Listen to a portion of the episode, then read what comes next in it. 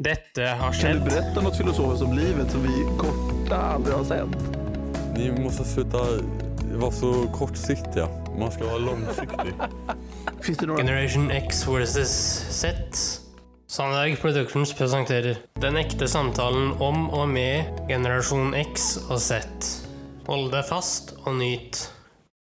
Hei, hei, kjære lytter, og hjertelig velkommen til dagens episode av Generation X versus Z. Og det er med tungt hjerte at vi må ta farvel med våre venner svenskene.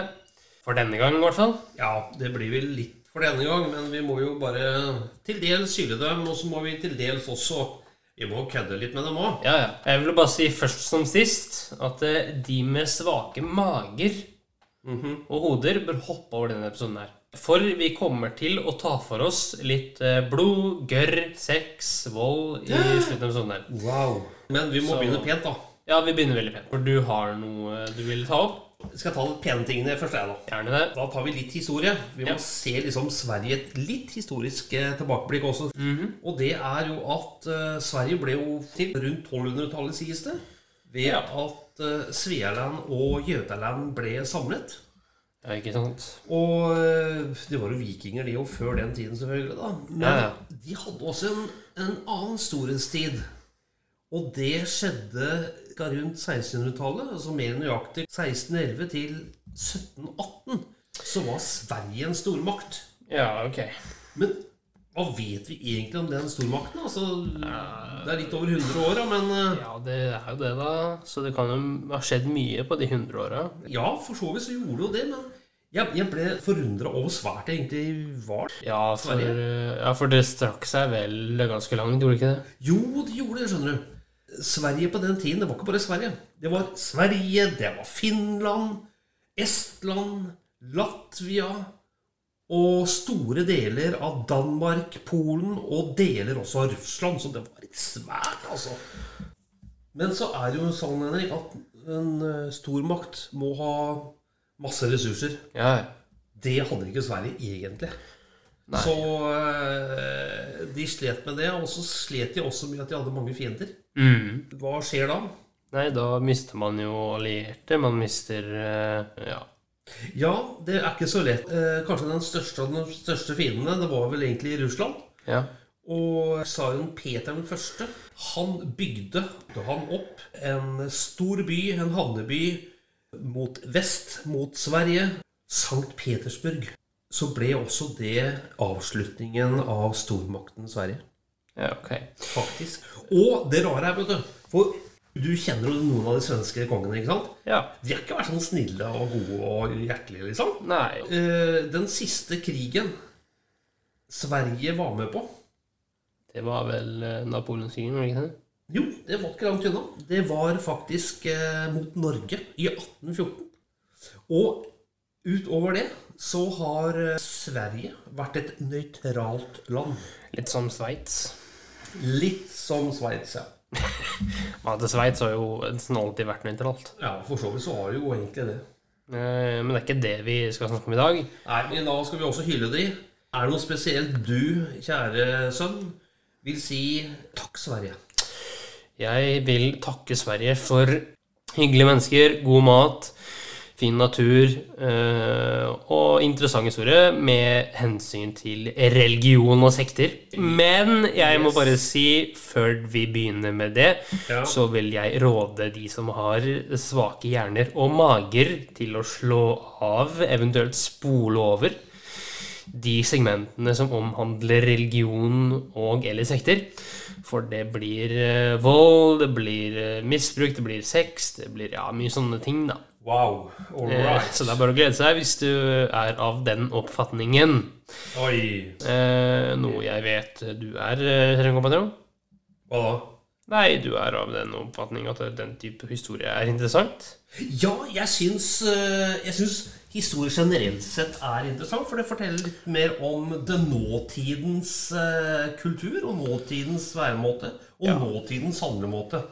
Men vet du hva noen vil takke Sverige for? da? Nei. Jo, hør da. Mm. Nobelprisen. Altså Ja, Nobels fredspris, ikke Ja. minst. Ja. Det er jo eh, Det er jo en veldig hedersfylt pris å få. eh, Kjenner du grunnen for at vi fikk fredspris, da? Ja. Det har du sagt til meg tidligere, og det var fordi Alfred Nobel, altså mannen bak prisen, mente at eh, svenskene var for arrogante til å dele ut prisen. Ja, de var rett og slett for arrogante og ikke minst krigerske. Og Ja, nordmenn, de, de var ikke det, vet du. Og så er det noen jo som ønsker å takke svenskene for kong Oskar 2. Fordi han ga fra seg den norske tronen i 1905 uten bruk av våpen. Oi. Yes. Det er ikke helt typisk eh, svenskene, det, altså. Nei, det var noe atypisk her. Mm. Og så er det en annen eh, ting som noen vil takke Sverige for. Vet du hva det er? Nei. Spesielt kanskje på Hvaler, kanskje spesielt i Oslo. Hvem vet? Det er flinke servitører. Og så er det noen, da. Vi kjenner eh, noen av dem sjøl, Henrik. Det er noen som er ekstremt opptatt av eh, å handle. Og spesielt på Ikea. Ja, eh, vi kjenner noen av dem selv, ja. Som sagt, som du sa der. Ja. Ikke at noen av oss er sånn. Overhodet ikke. De fleste vil vel da takke Ingmar Kamprad, eh, som dessverre døde i 2018 Ja. av naturlige årsaker. Men vet du hva jeg vil takke eh, Sverige for? Nei. Astrid Lindgren. Ja, selvfølgelig. Denne barnebokforfatteren Ja. som var høyaktuell på 1950-tallet, typ. Ja, vi snakker Pippi, vi snakker Emil. Altså, for en barndom, Henrik. For en barndom. Ja, det var en veldig fin barndom der, altså, med Astrid Lindgren. Og ikke minst Torbjørn Egner også. Ja da. En veldig fin barndom. Ja. Eh, Jeg har jo også både Den har blitt lest for og jeg har hørt på Astrid Lindgren som barn, i form av lydbøker, og så har du lest en del, faktisk. Og gjett om jeg har lest mye for deg der, gutten min. Så Astrid Lindgren også er jo hos meg. eh, Holder en plass i eh, hjertet mitt. Vi hadde bare én kanal å se på i Norge. Og så vi på grenselandet i Fredrikstad, vi fikk også inn TV1 og TV2. Vi så faktisk mer på svensk TV1 og svensk TV2 enn NRK. Og vet du hva? Eh, en annen ting jeg vil takke Sverige for. Nei. Svensk musikk. Ja, ikke sant. Mm. Du vet også min oppfatning er med norsk og svensk musikk. Det er masse god svensk musikk. Norsk musikk er Det er eh, bånd ifølge deg sjøl. altså, greia med deg det er at du har så bastante meninger om musikk. Så jeg må bare si at svensk musikk for deg, det er eh, smør, det. Det er som smør. Smør på brødskiva. Ja. Men en annen ting som jeg syns er litt kult med Sverige, vet du det? Nei. Altså, som jeg vil egentlig vil takke Sverige for, det er at uh, kong Carl Gustav han skulle presentere Sverige. Og han forsov seg, og det var en stor fordel for eh, Norge, som fikk eh, OL på Lillehammer i 1994. Ok. Eh, og apropos det å forsove seg, så vil jeg bare ta opp en litt morsom ting Ja. som jeg syns er veldig morsomt, og kanskje flere andre av våre yngre lyttere. Det var tegneserieskaperen Seth MacFarlane som forsov seg 11.9.2001. Ja. Han forsov seg rett og slett til et fly som krasja i World Trade Center i New York. Wow. Hadde det ikke vært for at han forslår seg, så hadde han vært død. Han glemte rett og slett å boarde det flyet. Så eh, moralen er ikke forsov deg. Eller gjør det, da. Eller gjør det. Jo, en annen ting som jeg vil takke Sverige for. Hør her nå. Svenska reben, altså ribbeben. Ok. Godis. Ja. Lakrisnorer i mange ulike farger. Det var svarte, det var grønne, gule, røde. Brune også, var det ikke det? Jo, kanskje. Det husker jeg ikke. Og så må jeg også takke Sverige for Olle Hellgren. Ja, Ole Hallgren har jo vært en uh, geriljagjest her i podkasten. En veldig hyggelig mann. Ja da, eh, Er det noe annet du vil takke Sverige for? Jeg har masse, jeg også. Har du? Jeg vil takke for David Sundin. Jeg vil takke for Mauri Hermundsson. Avicii. Cornelius Wilkstrøm. Ole Hellgren, Nordby. Shoppingsenteret på Svinesund. For Dafte Resort, som ligger på grensa til Norge. For uh, kjøttboller. Du var glad i de kjøttbullarene? du? Ja visst er jeg det. Så vil jeg takke Sverige for Göteborg og Skandinavium i Göteborg, en eh, hockeyarena. Oh, yeah. For uh, Sveriges Radio P3. Særdeles god radiokanal. Det var en voldsomt lang liste du hadde, Henrik. Ja, men uh, når vi snakker om et land som Sverige, så er det veldig mye å ta av, da. Det er jo for så vidt det, vet du. Jeg vil også takke Sverige for Åsa Waldau. Hæ? Hun kommer vi tilbake til etter hvert. Ok. Jeg vil også takke Sverige for læstadianerbevegelsen. Jeg føler du er på vei inn i et eller annet, jeg nå. Ja, og så da en religiøs sekt som mener at piratkopi er en hellig dyd. Men det kommer vi tilbake til nå snart. Kjør på, du, Henrik. Yes, vi begynner med læstadianersekten. Ja vel. Med Andreas Preus Efskin og Caroline Glomnes. Visste du at det var en sekt som sto bak Kautokeino-opprøret i 1852? Du hører på Sektpodden med Andreas Preus Efskin og Caroline Glomnes. Yes. Wait till I tell you everything. Here you are.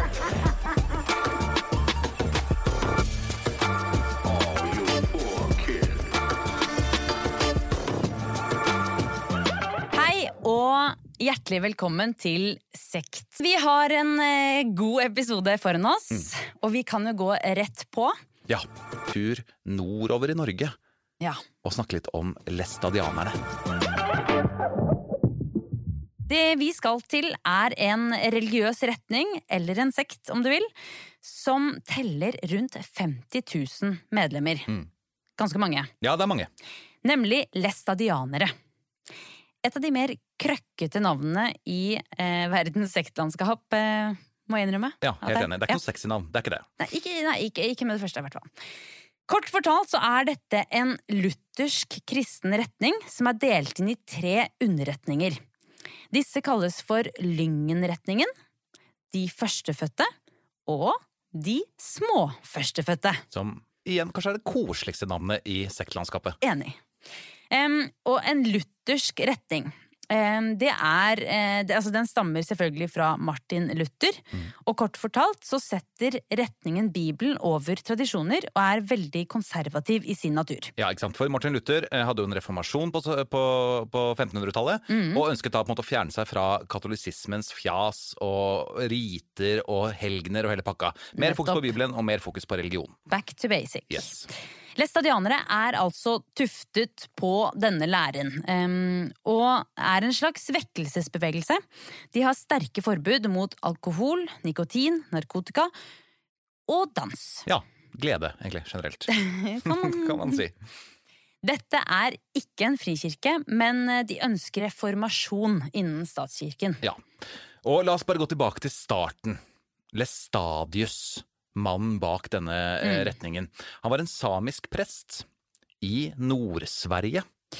Og hadde en personlig vekkelse i 1844. Han ble født ved, rett ved norskegrensa, der Saltfjellet ligger, eh, og vokste opp i fattigdom med en veldig forfyllet far. Og Etter hvert så utdannet han seg til teolog. Og som sagt, I 1844 så fikk han en personlig vekkelse etter et møte med en kvinne som heter Mille Andersson Clemensdotter. Som gjorde at han ble mer pågående eh, i sin forkynnelse og skiftet fokuset mer mot bot og omvendelse. Altså, han, ville, han fokuserte veldig på at folk skulle vende om fra sine syndige liv. Det ble på en måte hovedelementet i hans lære. Og han begynte å få veldig stor innflytelse blant samer, og og grunnen til det, det var én at han forkynte på deres språk. Han snakket samisk. Og han var veldig folkelig i tilnærmelsen sin. Altså, Veldig mange prester på den tiden kan jeg se for meg da, hadde et litt sånn ovenfra og ned-aspekt, eller fokus. Altså De snakket ned til folk. Men eh, Lestadius hadde evnen da til å, å legge seg på folks nivå og snakke et språk de forsto. I tillegg så hadde han et veldig fokus på alkohol, eh, og dette var med på å rydde opp i mange lokalsamfunn og øke produktiviteten mange steder fordi folk ikke lå fyllesyke hele dagen. Altså Folk fikk bukt med sine alkoholproblemer. Denne læren eh, spredde seg etter hvert til Norge, særlig til Kautokeino og Alta. Og dette var ved hjelp av da flyttsamer, eh, samer som var på tur med reinflokken sin, som fikk med seg et Lestadius-foredrag i 1848. Det vokste selvfølgelig fram en ytterliggående gruppering blant tilhengerne av Lestadius. Eh, og Kautokeino-opprøret det var faktisk et opprør som var et resultat av en langvarig konflikt mellom samiske tilhengere av Lestadius og ikke-samiske institusjoner, som prest, lensmann, øvrigheten. Em, Det handlet om brennevinens påvirkning, og at samene følte seg underkuet i møte med norske myndigheter. Ja. For mange samer drakk for mye og satte seg i voldsom gjeld. Dette førte blant annet til at de mistet reinflokkene sine, og i noen tilfeller ble flokkene tvangsslaktet. Det er trist. Det er veldig trist. Eh, I tillegg så var mange lei av å få den klassiske kristendommen tredd over hodet sitt. Dette førte til at mange samer samlet seg til kamp. Mm. Den norske kirke syntes dette var veldig unødvendig, eh, og sendte oppover Nils Vibe Stockflets, en eh, veldig kjent norsk prest, som også Stockflets gate på Sagene er oppkalt etter, Se der. og Ja. mest sannsynlig Ja, kanskje en teori vi har, da, i en hvert fall. teori, Eh, også den kafeen. Ja, for jeg sjekka ut det. Men de har ikke så veldig religiøs profil. Nei, veldig lite. Veldig. Men jeg sjekket ut det, eh, og det sto at de hadde røtter helt tilbake til 1895. Ikke sant? Så det er ikke helt utenkelig. Det er ikke utenkelig.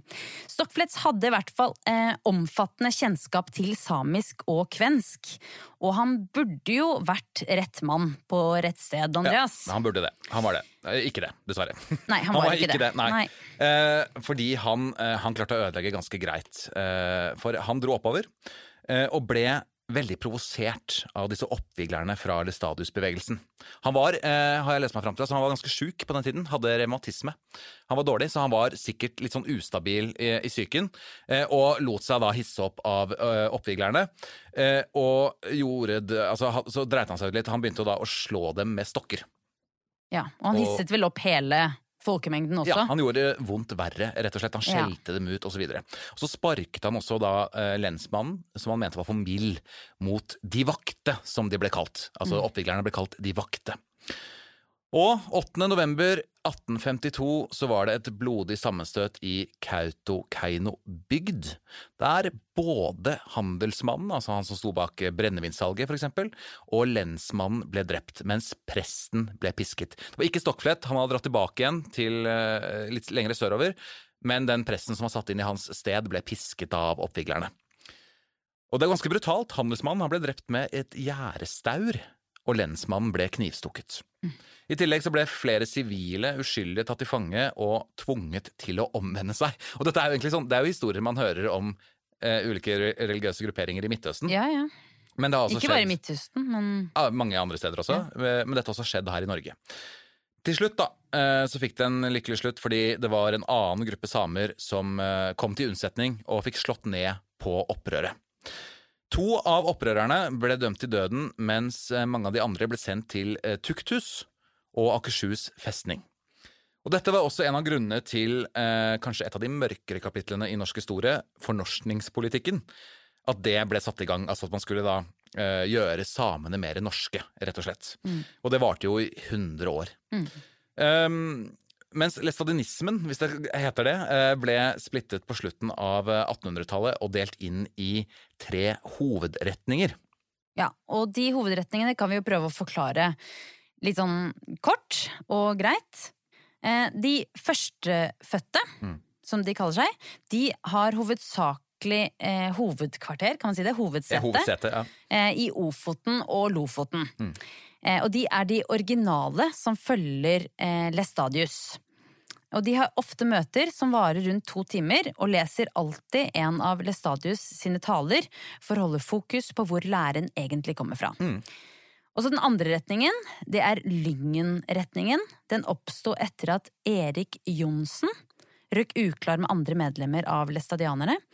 Eh, Den har hovedsete Hvor er det den har hovedsete, Andreas? Lyngen Jep. ligger i Nord-Troms. Nettopp. Eh, og der har de mye større fokus på dåpen, og samarbeider mye tettere med Den norske kirke.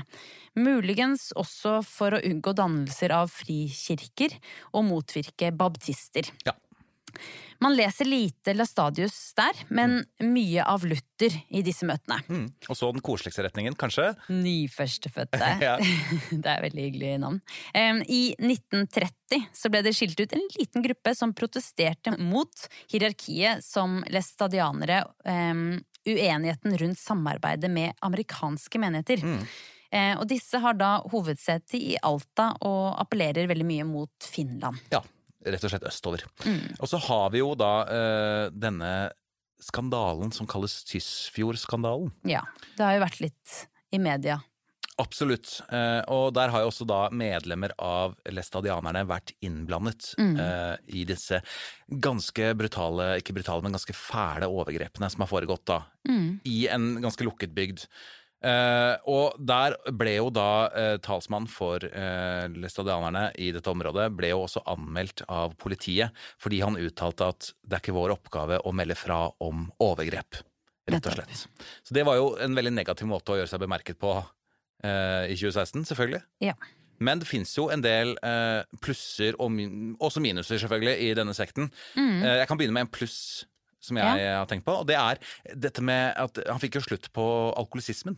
Mm. Rett og slett. Lestadius uh, fikk jo opp produktiviteten, og du kan jo si at uh, man uh, nedla forbud mot dans og andre morsomme ting, men i alle fall så uh, beholdt man helsa si. Ja, de, de gjorde jo det Ja. rett og slett. Eh, og så har jeg også et minus, eh, som er Det er i hvert fall en del estadianere som praktiserer eh, nullgardinpolitikk. ja. At man da ikke skal Det er også ikke skal lukke Gud ute. Yes, stemmer. Eh, og selvfølgelig da uh, alt dette med glede. Nei til glede. Som Ja, ikke som du appellerer til meg. med, med narkotika. Ja, narkotika, alkohol og nikotin. ja, jeg, jeg forbinder mer med sånn dans, ja, dans og kortspill og sånne ting, som også er forbudt her. da Ja. Hva med deg, har du noen uh, innsigelser? Nei, jeg må jo si at det er mye av det samme, faktisk. Jeg syns jo at jeg, jeg tenker at det på mange måter kanskje var redningen for veldig mange. Mm. Eh, å få noe annet å, å få noe å tro på. Ja, At det, det, var, det er det positive, da. Mm. Som de trengte for å komme ut av mye alkoholisisme, som sikkert var veldig ødeleggende i mange familier. Ja. Um, Og de har appell fortsatt, uh, i og med at de har over 50 000 medlemmer. ja. Så jeg lurer liksom, jeg kjenner jeg lurer liksom på hvor, hvor gærent det er, Ja, ikke sant? på en måte. Ja, det Ja. kan du si. Absolutt. Eh, det var læstadianerne. Ja. Kort og greit forklart. Veldig spennende historie, i hvert fall, tenker jeg. Veldig spennende. Abonner på podkasten, rate oss på iTunes, og Sleng inn en kommentar. Hva din pace. Vi høres. Wait till I tell you everything. Here you are.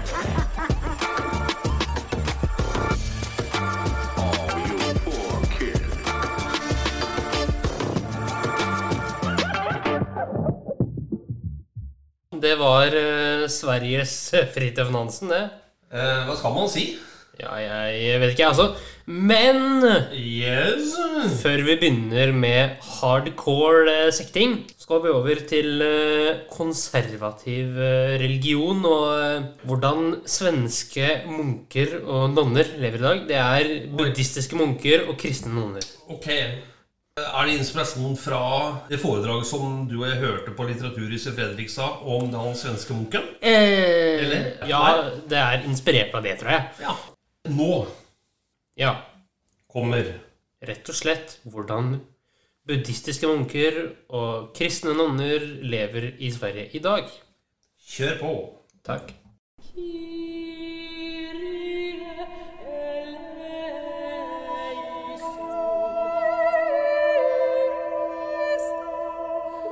Sverige är ett av världens mest sekulära länder. Nästan ingen tror på Gud.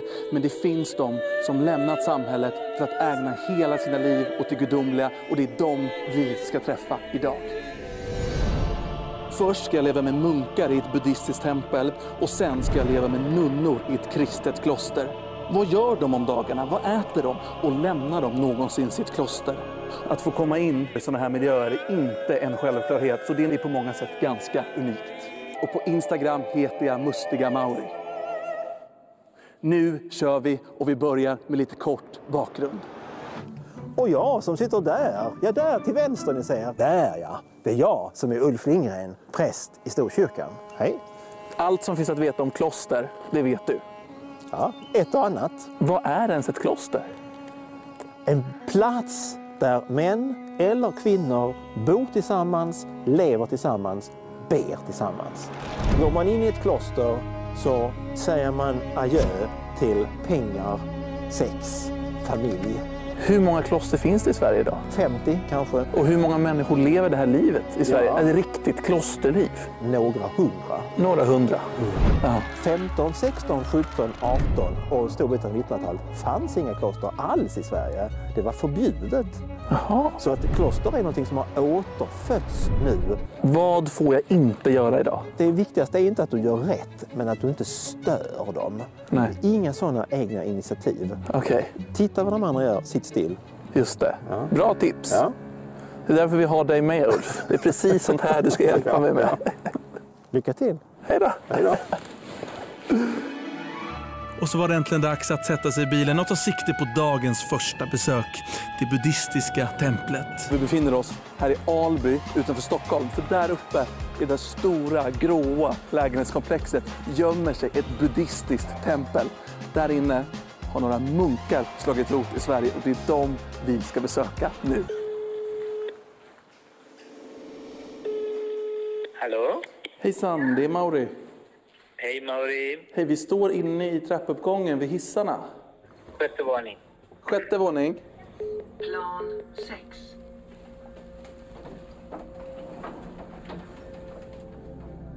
Buddhistiska tempel har vi inte haft särskilt länge i Sverige. 20-tal år. Några är lite större och finns på landsbygden och några finns i vanliga lägenheter mitt inne i städerna.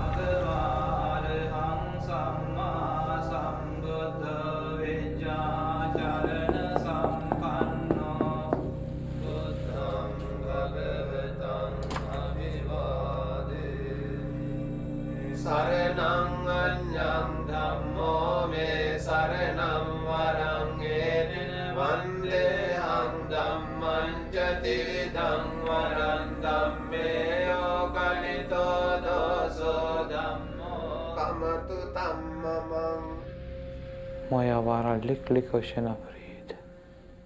Mualla varisser intikamat il sorighet. Madhum moksu varaglada.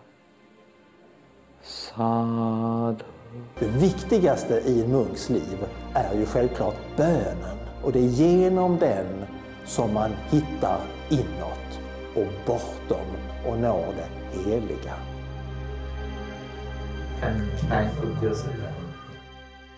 Wow, vad snyggt det är. yeah. Till att börja med, vad, vad heter du? Jag heter Bhante Panjaratana. Bhante betyder äldre bror. Du förstår inte svenska? Eller förstår du svenska? Ja. Det är en av de vackraste munkarna jag har sett. Väldigt vacker Hvordan Hur ser livet ut för dig? Alltså om, om du tänker en vanlig dag. Eh, Normalt brukar jag vakna klockan tre, fyra tiden. På morgonen? Mm. Och sen eh, jag har olika yogaställning. Klockan sex börjar vi gemensam meditation. Vi är inte så konkreta människor här.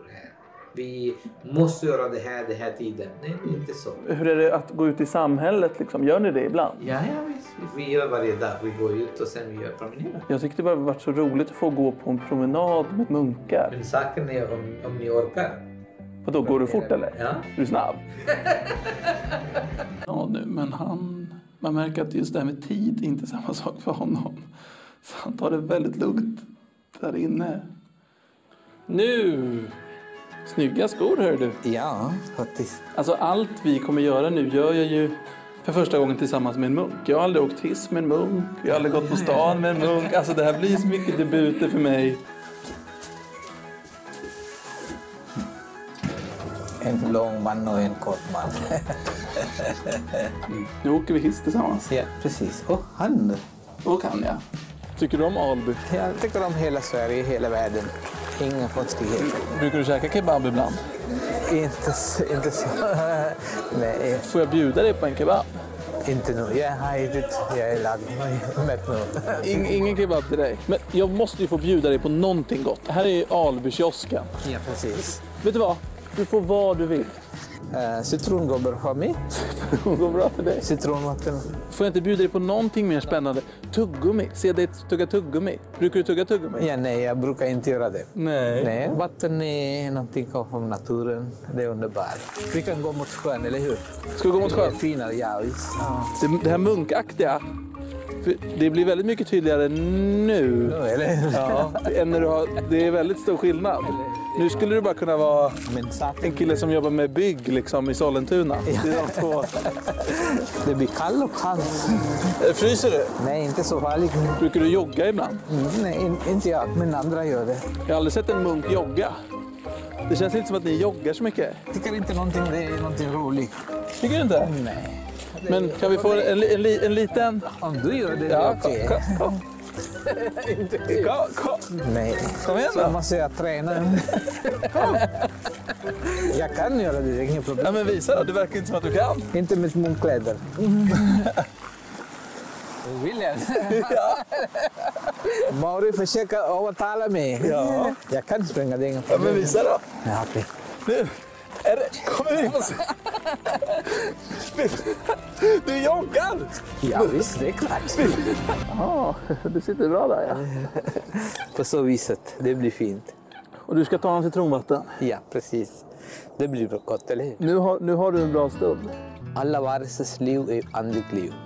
De är andliga. Men vi vet inte att de är andliga. Vi tänker inte att de är andliga. Men du, du lever ju också i celibat, eller hur? Ja. Så du har ingen sexuell kontakt? Nei. Jeg bestemte och Jeg tok munkdräkt fra læreren fra den dagen vi skal fortsette celibat. Men har du någonsin haft sexuella relationer? Nei. I det hele ditt liv? Aldri? Nei. Kommer det någonsin noen dag når du tenker nå vore det godt å ha litt sex? Det er det beste på jorda som har kommet då. Hva sa du? Forandring i livet om det händer. Känner tryggare, harmonisk i klosterlivet. Jag är så harmonisk att vara i naturen. Du behöver liksom inte det andra? Nej. Nej, gra- grattis! Tack så mycket. Det är vackert. Ja, det är så fint. Då. Jag frågar bara... Här har vi en, en livslevande munk. Fantastiskt. En livslevande svensk, Svensk man. man? Pensionär. Han också. Om ni får ställa en enda fråga om livet till en person som varit munk i 40 år. Hur blir man lugn i själen? Oj då. Bra fråga ändå. Vi har allt som det behövs att hålla lugnt. Andas. Slappna av hela kroppen. Slappna av හේලාන්සික් මුස්ලන් බෝධක්ෂරණ බෝධ හැන්දන අන්දස්කීන්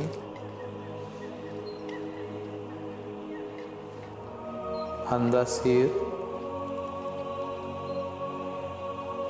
අන්දස්ීන් සෝ අපනාවගනන් Hur kändes det? Jag tycker att tyngden tog sig neråt. Men se till att vara i nuet nu grabbar. Det är vi. Ni med. Det verkar ni vara. Tack. Ja, tackar, Ha det så gott. Ni får maten serverad alltså. Härligt. Jag kan servera om du vill. Får jag servera? Tänk Gud. Jag får inte äta samtidigt som munkar, eller hur? Normalt gör inte det. Nej. Det är också otroligt spännande att se hur ni jobbar med händerna. Lite som när man eh, bakar en lösnus. Mm. Ja, ja. Så vi är klara med maten. Får jag sitta här bredvid dig och äta? Ja, bara ta lite ris och sen andra grejer och sen tillsammans och sen blir en klunk. Så. Precis, ja. Bara närma sig munnen. Närma sig munnen. Ja, precis. Och sen öppna munnen och sen eh, placera i munnen. Men, ja, ja. Bra, okej. Lykkes. Kan planere med å gjøre en klunk og sen... Men hvordan blir man lykkelig? Det er ikke så svårt å att bli lykkelig. Å være lykkelig. To ulike meninger. Det er like bra å være, være lykkelig. Buddha har vist rollen at lykken og gleden fins inne i den här kroppen. Men vi hittar inte den. Vi tänker inte hitta, söka. Det betyder att alla frågor och svar finns inne i den här kroppen.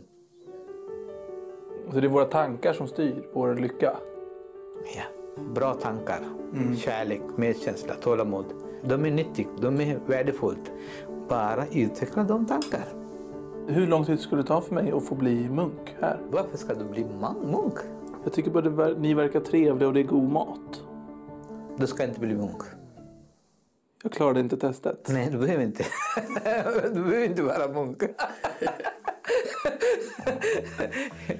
Även om man inte kan bli munk själv så kan man ju komma och få meditera tillsammans med dem. Du, är ju, du, du mediterar ju mycket. Jag tycker det har varit spännande att få meditera med dig. Det kan du göra. Det är jättebra. Jättebra. Slappna av alla delar i hela kroppen. Om jag kan göra fina, bra saker. Om jag kan tänka fina saker. Jag blir en fin varelse. Det är det finaste som kan hända. Några timmar med Sveriges mysigaste munk hade gjort mig ren och lugn i själen. Och nu är det dags att åka söderut, närmare bestämt mot Allingsås. Där, en liten bit utanför samhället, ligger Klaradals kloster. Här bor tre kvinnor som sagt nej till jobb och familj för att stå helt utanför samhället och istället ägna sina liv åt Gud. Och de har bott här i över 30 år. Har man väl gått in i ett kloster som munk eller som nunna så stannar man kvar resten av livet. Lena, Inger och Hanna. Med de tre kvinnorna ska jag tillbringa min eftermiddag. Små rum, rökelse, musik, ikoner, golv som knarrar. Allt detta vittnar om urgamla traditioner och en praxis där man går inåt och djupnar i sig själv och i det heliga. Då har vi kommit till Klaradals kloster. Ja, det är riktigt. Äntligen. Ja, Men ber- berätta vem du är. jag är syster Lena. Det är otroligt. Ja, det vet jag inte. Jo, men det- jag tycker det är bara vanligt. När vi sitter och klipper de här avsnitten så inser jag att jag svär i tid och otid. Jaha, ja. Är det något jag ska hålla mig för god för idag? Alltså, jag, ja, det är ju upp till dig vad du vill visa av dig. Kan man få svära ibland? Eller hur funkar det? Det är så är att jag säger Jesus hjälp mig så är vi jävlar också. så är det.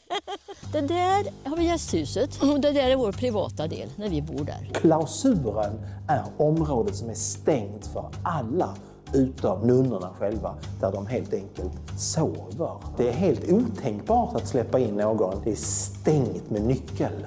Alltså, hur nära det där får jag komma? Får jag nudda ytterdörren? Får jag komma? Sant, alltså får man inte. På nocken där ser du en kapellklocka där. Ja. Där är kapellen. Jag tog ju på mig en polo, för jag tyckte att det kändes lite kristet. Jaha. Var det rätt? Jag har inte tänkt så. ja, ja. Jag försökte Men- imponera på dig, Lena. Jag så försökte det. Jag såg inte ens att det var en polo. Har ni någon sorts chef bland nunnorna eller är ni bara... ja, det finns en chef och det är jag. Aha, det är du. Ja. Jag tycker det känns som att du har chefsegenskaper. Den typen av pondus har du ändå. ja, jag vet. Jag har pondus. Men ska vi gå in eh, och kolla runt Vi lite? ska gå in i kapellet. Ja.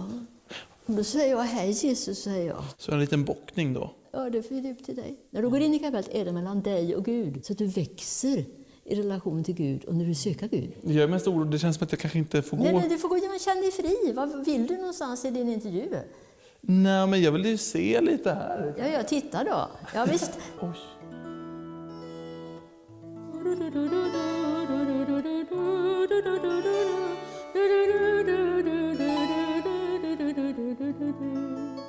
Varför gråter du Maria?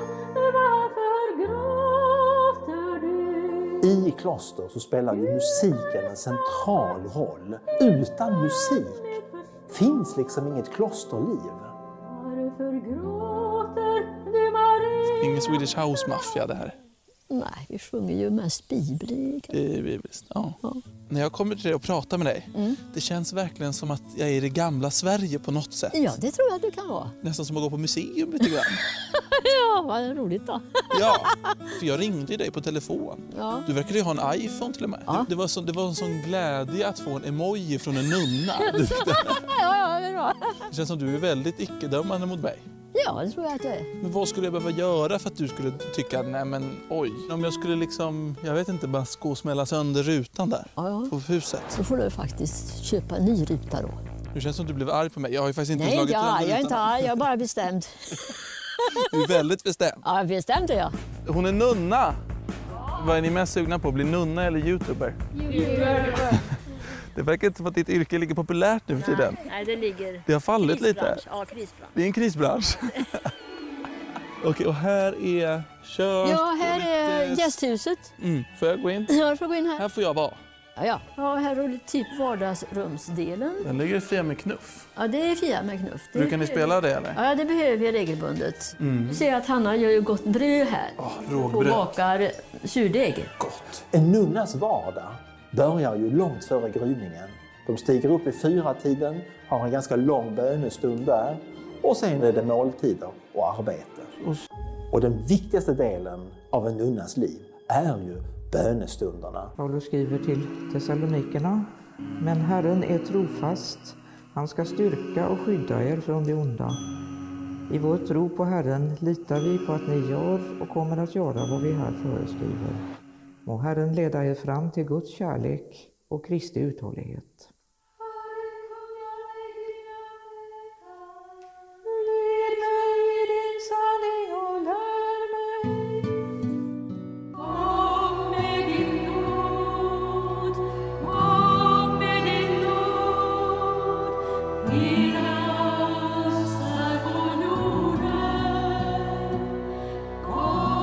Her inne i kapellet så legger systrarna egentlig et helt arbeidsliv.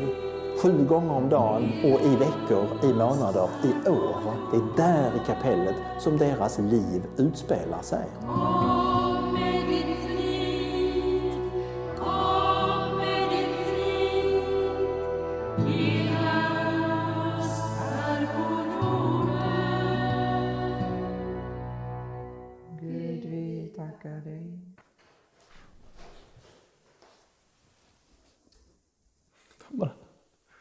Bara rusade härifrån. De bara gick. Som att Beck börjar på fyran exakt nu att de alla måste, att de måste dra. Okej Inger, nu ska vi laga mat. Ja. Och du lagar en liten gratäng. En potatisgratäng Mm. eh, och kassler. Någonting säger mig att du är bäst här på att laga mat. Jag är inte säker på att systrarna skulle säga det. Muttras det lite ibland? Ja, det gör det nog ibland. Sådär. Det känns inte som att nunnor muttrar så mycket då. Ni känns inte så muttriga av er. men vi nog. Ska vi se, jag ska hämta något slaktredskap. Vad hette det? Nej, jag har en kniv heter det. Förlåt. Det lät otäckt. Där går du lite hotfullt med en kniv Ja, men jag, du ser att jag är liksom lite medvetet... eh, Ja. Hur länge vill du ha kasslen inne? Den vill jag ha in eh, 20 minuter, en halvtimme. Där skiljer sig inte nunnor åt, utan 20-30 minuter för en kassler. Ja, något Det sånt. Så, va? Det, ja. det är din lagar. Dessutom är kasslen på extrapris.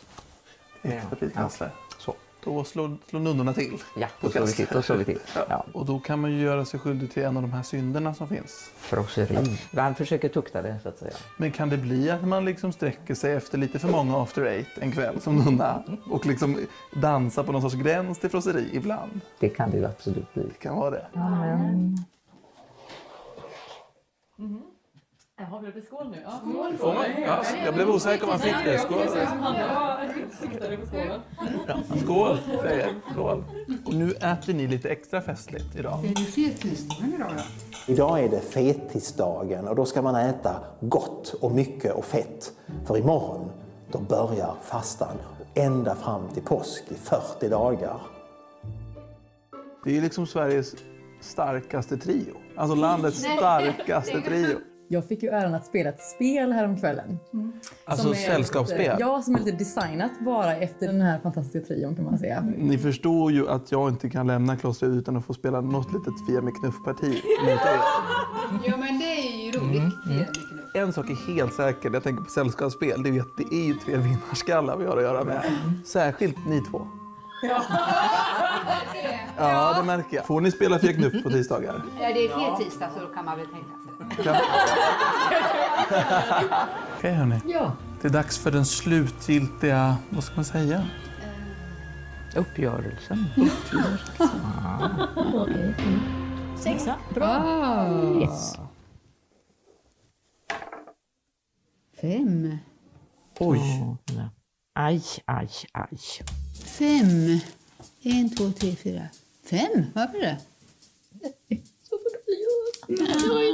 Nu fick ju Lena... Nej men nej, oj oj oj, jag kunde inte hjälpa det. Så är det. Nu har jag fått upp pulsen. Nu är det en etta igen som gäller. Tänk om du får en etta nu. Vi har en vinnare! Ja, mallig som en tupp var jag, men det är inte varje dag man får krossa tre nunnor i ett parti Fia med knuff. På ett sätt påminner de här munkarna och nunnorna kanske mer om oss själva än vad vi tror. Vissa är fotbollssupportrar, vissa viger sina liv åt jobb, vissa demonstrerar för en bättre värld. I grunden kanske det är människans behov av att hitta mening. Mm. Och det är ju det vi kallar för Gud. Det är olika ord för samma längtan. Vad är livets mening, Ulf? Vet du det? Nej? Jag brukar tänka att livets mening är att leva precis just nu. Precis just nu sitter vi här. Och där finns en mening. Jag kan inte säga att jag är lycklig eller inte. Jag försöker vara i nuet i alla fall. Är du i nuet just nu? Ja, jag jag är här med dig. Med det här mattillfället, med er. En annan sak som skulle kunna vara livets mening det är att ta dig i hand och tacka för en väl genomförd insats. Och tack för det här ögonblicket. Som vi delar. Ja. Hej på er! Hej svejs! Ja, ja da. Til ettertanke. Ja, moralen her eh, nå, det er vel å prøve, i hvert fall, da. Å ha en viss respekt for de som eh, forlater samfunnet for å eh, lære seg selv å kjenne, kanskje. Ja, og kanskje også leve i nuet, som Sismon var veldig klar på. Ja, eh, nettopp det, ja. Eh, også fikk jo veldig mye eh, nyttig input fra han derre presten. Ja. I Storkirken. Men Ja, jeg hører en viss fortsettelse her nå. Ja, vi skal eh, tilbake igjen til sektverden. Nå skal vi til en religiøs gruppering, eller en gruppering i hvert fall, som mener på at plagiat er en hellig dyd. What? Vi skal se på en moderne svensk sekt som mener at plagiat er en hellig dyd. Du hører på Sektpodden med Andreas Preus Efskin og Caroline Glomnes. Wait till I tell. Here you are.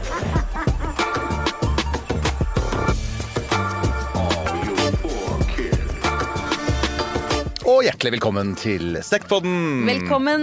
Vi drar til eh, Uppsala. Mm. Der eh, to, eh, to unge menn ved navn Gustav Nipe og Isak Thomas Gerson mm. eh, startet opp det man kanskje kan kalle en slags sekt, nemlig, eh, jeg tar det på engelsk først, Missionary Church of Copyism, eller på svensk, kan vil du si det på svensk, Karoline, du som kan svensk? Eh, nei. Nei, Misjonerende komprimistsamfunnet. Ja.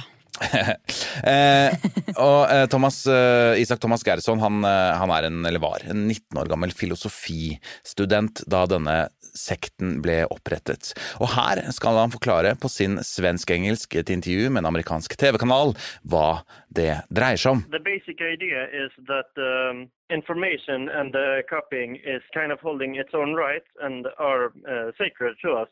Uh, so um, we believe that uh, copying and sharing of information uh, shouldn't be illegal. Ja, altså Kort forklart så mener de at eh, dette med fildeling er en Mhm. hellig dyd. Har du noe erfaring med fildeling? Eh, nei. Nei? Altså, du mener liksom eh, sånn ulovlig nedlasting og sånn? Ja. Nei, jeg har ikke det, altså. Nei. Det eneste nærmeste Men jeg tror det, det, det er ikke fordi jeg har så høy moral. eh, Jeg skulle gjerne påstått det, men det er ikke derfor. Jeg tror bare at jeg er ikke helt sikker på hvordan jeg, jeg gjør Man det. gjør det, nei. Og så nei, Det nærmeste kommer at jeg har kjøpt sånne dårlige kopier eh, på ferie, sånn i Thailand og sånn. Ja. Så jeg har kjøpt liksom DVD-er? liksom? DVD-er Ja. eh, film, som er tydelig liksom, filmet inne i kinosalen. Ja, sånn bootleg-ting, ja. Ja. ja. Det er jo en slags sånn fildeling, det også. Eh, ja, så det er kanskje det nærmeste ja, som jeg kan skryte på meg av sånne ulovlige nedlastinger. da. Ja, for jeg husker jo det eksploderte måte, da internett ble allemannseie. Så kom jo Napster. Ja. Husker du Napster? Eh, nei, nei, igjen så jeg var jeg jeg ikke Nei, du var ikke der. Nei. Eh, Nei, for det var, jo, det var jo en slags sånn eh, En tjeneste som gjorde at du kunne laste ned sanger, da. Ja. Først og fremst. Og, og da snakker vi liksom Det tok jo sikkert tre timer å laste ned Crazy Town med Butterfly, for eksempel. Som husker jeg Mm. var min første ulovlige eh, nedlasting. Oh. Det var det, og så var det Gorillas. Det derre bandet Gorillas husker jeg jeg hørte mye på. Ja. Em, Eh, ja, eh, og, eh, dette er jo, mener jo de er en hellig dyd, selvfølgelig. Mhm. Eh, og de har tette bånd med et hackerkollektiv som heter Piratbyråen. Og Isak Gerson mener at det å kopiere noe er fundamentalt i universet. Ja. Han tenker da på at liksom alle celler og DNA og gener kopieres, Mhm. og at hele universet er skapt for å kunne deles. Egentlig er enig i det, altså. Ja, det er ikke den dummeste filosofiske Nei, nei, tanken. nei. Eh, denne retningen som vi snakker om nå, ble også anerkjent som et religiøst samfunn. Oi, Ja, i 2012. det er interessant. Ja, og Sverige er jo ganske sånn liberale. Ja. Altså Dette ville ikke skjedd i USA, for eksempel, tror jeg. Nei. At vi ville fått religiøs status, men Sverige er jo mer liberale Ja. på dette punktet. Ehm, følgerne til denne retningen de fikk jo en del fans rundt omkring. Eh, de kalles, eller ble kalt, kopimister. Mm. Og de mener jo da at all informasjon skal distribueres fritt. For de er veldig imot kunnskapsmonopol. Mm. De mener at så fort man vet noe selv, så skal man dele det med resten av verden. Ja. Også egentlig en ganske ok tanke, da, tenker ja jeg. misjon. En misjon, ja. Eh, Så, og informasjon er hellig, så de mener at det å holde tilbake filmer, musikk, serier osv. er et brudd på denne dyden. Ja, der må jeg jo si igjen, så er det sånn Det er jo litt vanskelig. Ja, det er litt vanskelig. Også sånn, fordi det er jo folk som har laget dette. Ja, ikke sant? Som er, skuespiller også, så er det Det er liksom noen noen ting som man har litt rettigheter på, da. selvfølgelig, og du- får jo betalt altså Man får ikke betalt etter hvert hvis, hvis alt Nei, er fritt tilgjengelig. bare Nei. Og så føler jeg at liksom, dette var et større problem før. Ja. Faktisk, enn det er nå. At det er mindre Nå er det mulig at det er på tynn is her, men at det er mindre kopiering. ja, men det er jo Spotify og alle disse strømmetjenestene sånn som hjelper oss til å Ja. holde oss på riktig side av loven. Ja, for jeg husker jo hele den derre Pirate. Bay-greia. Ja. eh, hvor, eh, som også, jeg innrømmer at jeg har brukt det. Mm. Eh, er, det går jo fortsatt an å laste ned via Pirate Bay, men det er mye vanskeligere. På en måte. Ja, så er det litt sånn tungvint, er det ikke? Eh, ikke så veldig. Okay. Men så er det sånn, veldig mange internettleverandører og sånn også satte foten ned Ja. og sperret IP-adressene. Okay. Eh, eller sperret da deres eh, tilgang til eh, Pirate Bay, eksempel. Mm. Som egentlig er bra, da. Ja. Eh, husker du, husker du eh, på sånne DVD-er Mm. så var det alltid en sånn der, en trailer før filmen som var sånn You wouldn't steal a car, would you? Husker du det? Nei, vet du hva, søren, altså, jeg gjør ikke det. Nei, ok. For det var det sånn, bare sånn du, Man vil jo ikke stjele en bil som står på gata. Hvorfor skal Nei. du da stjele film. filmer og, og Fordi det er serier? dårlig samvittighet når du allerede hadde lastet ned, på en måte? Nei, dette var jo på de uh, lovlige ja, DVD-ene. de- på de lovlige, ja. Ja, ikke sant? Uh, så man bare sammenlignet, eller man prøvde å sette da Altså, dette er å stjele. Ja, dette er tyveri. Ja. Uh, man prøvde å sammenligne de to tingene. Så jeg husker den veldig godt, den reklamen. Det var sånn her, liksom, eh, en fyr med finlandshette som slo inn en rute på en bil okay. og skulle stjele den. Kjempespennende. Ja. De har en logo Mm. som er yin-yang. Eh, bortsett fra at de har da satt inn eh, kontroll C og kontroll V. Altså kontroll Ah. kopi og lim inn. Litt av nerdesekt dette her, altså. Ja da, det er litt nerdete. Eh, og dette er det hellige symbolet deres, da. Ja. Eh, og det kobler dem også til tradisjonell kinesisk filosofi. Mhm.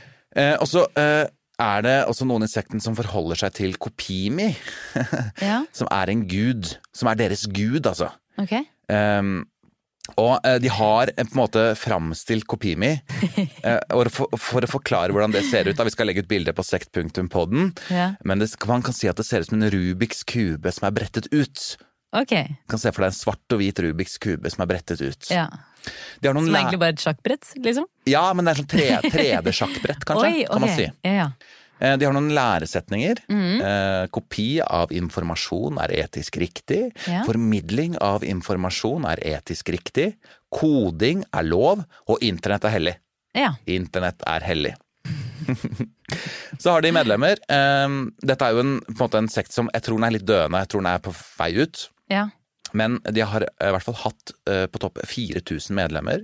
Ja, ikke så verst. Ikke så verst. De har slått rot i Canada, Japan, selvfølgelig Japan, Selvfølgelig Japan. Israel Ja. og USA.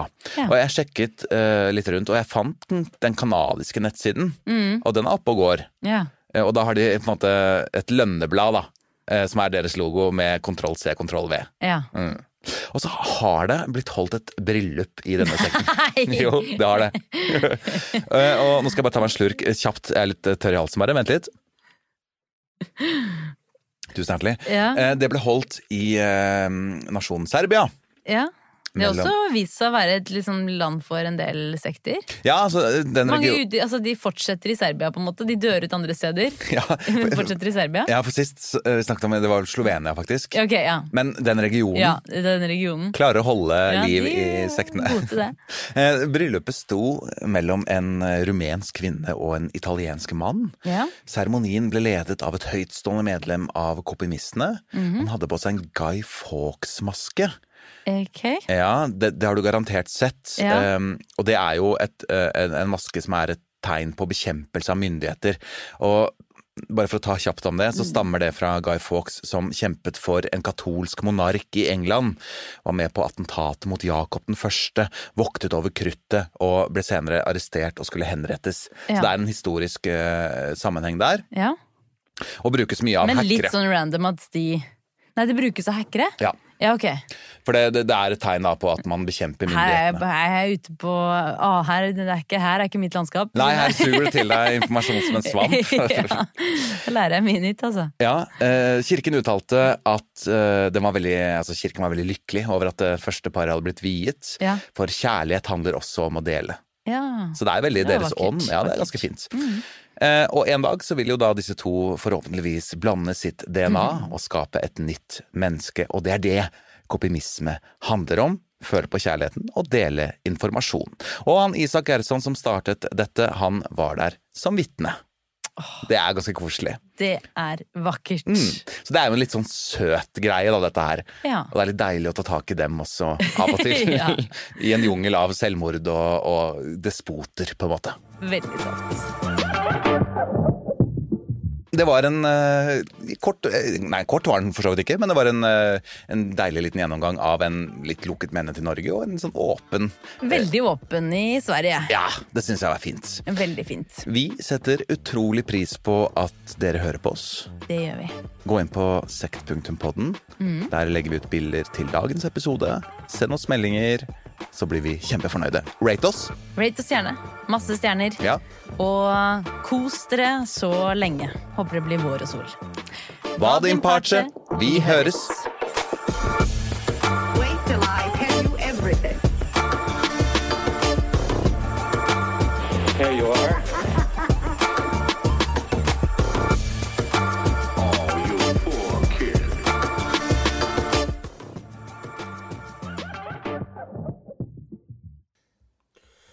Ja Hvordan var det? Nei, jeg, altså, jeg, jeg skal si for noe, Henrik. Det, det høres jo helt sånn spinnvilt ut. Ja, Altså, eh, og hver, jeg, tenker, jeg tenker altså Man bruker enhver mulighet ja, til liksom å lage en sekt fordi man syns f.eks. at dette, dette, dette Ah, Den er, er for tynn, altså. Ja, men du skal ha én ting, da. Ja. Det var jævla interessant. Jeg syns det var et totalt idioti, jeg. Egentlig. Men altså, nå er jo ikke du av den generasjonen som uh, syns internett er så veldig kult. Nei, men jeg tenker liksom det å lage en sekt på bakgrunn av at jeg har lyst til å kopiere alt i hele verden, og lage en sekt på det eh, Ja, ja. Nei, men det er så det er utvikling av et eller annet, da. Ja da, det er det. Altså. Nå skal vi høre om uh, en dame som trodde, eller tror kanskje ennå, at hun er Kristi brud. Ja, det er eh, noen raringer ute. Ja. Hvordan får man noen til å tro at du skal gifte deg med Jesus? Og er det ikke noe som skurrer når Gud sender deg en SMS og ber deg drepe? La oss snakke om Knutby, Philadelphia. Du hører på Sektpodden med Andreas Preus Efskin og Caroline Glomnes.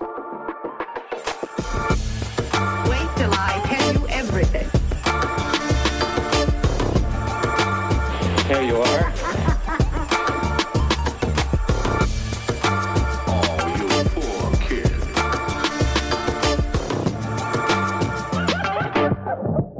Og hjertelig velkommen tilbake til Sektpodden eh, sesong to. Velkommen. Endelig skjer det noe her i Norge også. Ja. Eh, Satanic Panic er løs, føler Ja. jeg, på en eller annen måte. Og dette tipset har vi jo faktisk eh, fått av en lytter. Ja, Det, kom setter inn vi veldig pris på. At, uh... Det er helt strålende. Det kommer i innboksen på sekt.podden. ja, Og send gjerne flere tips i den innboksen. Det setter vi veldig pris på. ja, for det er Eh, Sektnytt. Ja, det er, det er, absolutt sektnytt. eh, og sektnyttet, eller sektnyheten, går ut på at eh, nylig så fant en turgåer en halshugget svart ravn ved Istrehågan i Larvik. Dette er Vårt Land som skriver om at eh, Vårt Land skriver at det lå plastlys omkring, og at det var tegnet symboler med bakepulver på bakken. Altså satanic panic i Norge. Endelig! Og eh, Ragnar Orten Lie, som er eh, arkeolog i Vestfold og Telemark, uttalte at de først trodde det dreide seg om en okkult seremoni, men nå tror de at det kan dreie seg om noe som er enda mer spennende, wood. Men er ikke det voodoo? Det er jo kult, er ikke det? Jo. Jo da. Det er jo på en måte, Jeg føler at det er litt okkulte bare afrikan, i Afrika. på en måte. At det er sånn afrikansk okkultisme, på en eller annen måte. Mm. De har funnet lignende symboler der tidligere. Blant annet så har det vært nynazistiske grupper som har gjennomført dåpsritualer der. Hvorfor akkurat der, kan man spørre seg. Ja, altså Istrehågan det er en gravplass fra jernalderen. Eh, og min familie har faktisk hytte rett i nærheten av, eh, av dette stedet. Det, er- de har hytte ved Kaupang, som også er et gammelt vikingsted. Og jeg synes det er veldig gøy sånn, eh, kanskje sikkert spesielt nå i sommer, da, når mange har hatt norgesferie, så er det veldig tydelig når det er vikingentusiaster i området. Oh, ja. For, de, de har en veldig sånn De har en veldig spesiell stil. Jeg, synes Mennene de har ofte liksom frisert halvlangt eh, skjegg. Ja. Ikke sånn skjegg fra hele eh, ansiktet, Nei. men fra på en måte Hva heter dette? Munnhulen? Ja, munnområdet, eller barte... Ja, barta, Bart og hake. Bart og hake eh, Langt bakke- og hakeskjegg. Ja. Gjerne litt sånn frisert. Ja. Og så har de ofte en eh, mørk, eh, gjerne svart T-skjorte med bilde av et eh, Eller et sånn symbol på noe rockeband eh, Noe band-T-skjorte. Ja. Og piratbukser. Ja, de piratbuksene må du kvitte seg med. Det er noe av det styggeste jeg kan se på en mann. Ja, Det mener jeg seriøst. Ja, men, men, ja, for det er sånn piratbukser. De stopper liksom midt på leggen, på en måte. Eh, og gode sko. Ja, viktig med gode sko. merke til at det er mye gode sko. Men Gore-Tex, føler jeg, på en eller Ja, annen måte. ja, ja, ja, ja, ja, Det er helt enig. Eh, og damene, eh, de har også gode sko. Eh, og så har de ofte sånn farget, veldig sånn sterkt farget, eh, mørkt, langt hår. Ja. Eh, en utringet singlet, og ofte veldig mange sånne eh, piercinger i ørene. Og også gjerne piratbukser. Ja, ja. Men gjerne da lyse, hvite piratbukser. Ja. Det er veldig, veldig fascinerende. Jeg lurer litt på hvorfor de sverger til de piratbuksene, egentlig. Nei, bare slutt med det. Det er helt grusomt. Fy faen, for et møkkaplagg. Hva, hva er det godt for? Ja, ikke det, jeg har jo ikke noe med viking Eller det vet jeg ikke. Nei, faktisk. kanskje de hadde piratbukser i vikingtiden? Det kan være. Det skal vi sjekke opp. ja. Men vi har ikke så mye tid til å dvele ved eh, piratbukser og vikinger i denne episoden. For vi skal rett og slett til ukas sekt, Knutby, Philadelphia. Sara trekker inn den kalde januarluften. Hun puster tungt og prøver å ignorere den økende pulsen. Denne gangen skal hun klare det. Hun skal være sterk. Sara tar opp sin Nokia 3510. En ny melding. Den er fra Gud. Er du beredd? Gjør det første. Gjør det andre. Sara går målrettet opp til huset. Forsiktig åpner hun ytterdøren. Huset hun kjenner så godt, virker med et fremmed. Sara går inn gangen, oppover trappetrinnene til andre etasje, stille for ikke å vekke de sovende barna.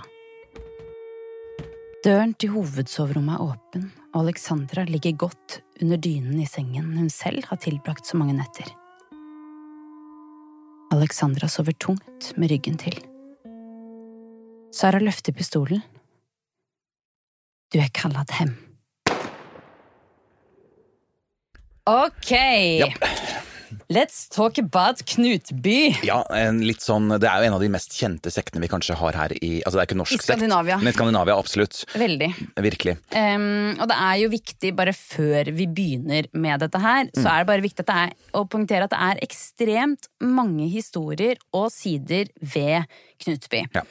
Em, og det er jo to av de veldig sentrale um, personene her som ikke har villet uttale seg. Em, nemlig Åsa Waldau og Urban Felt.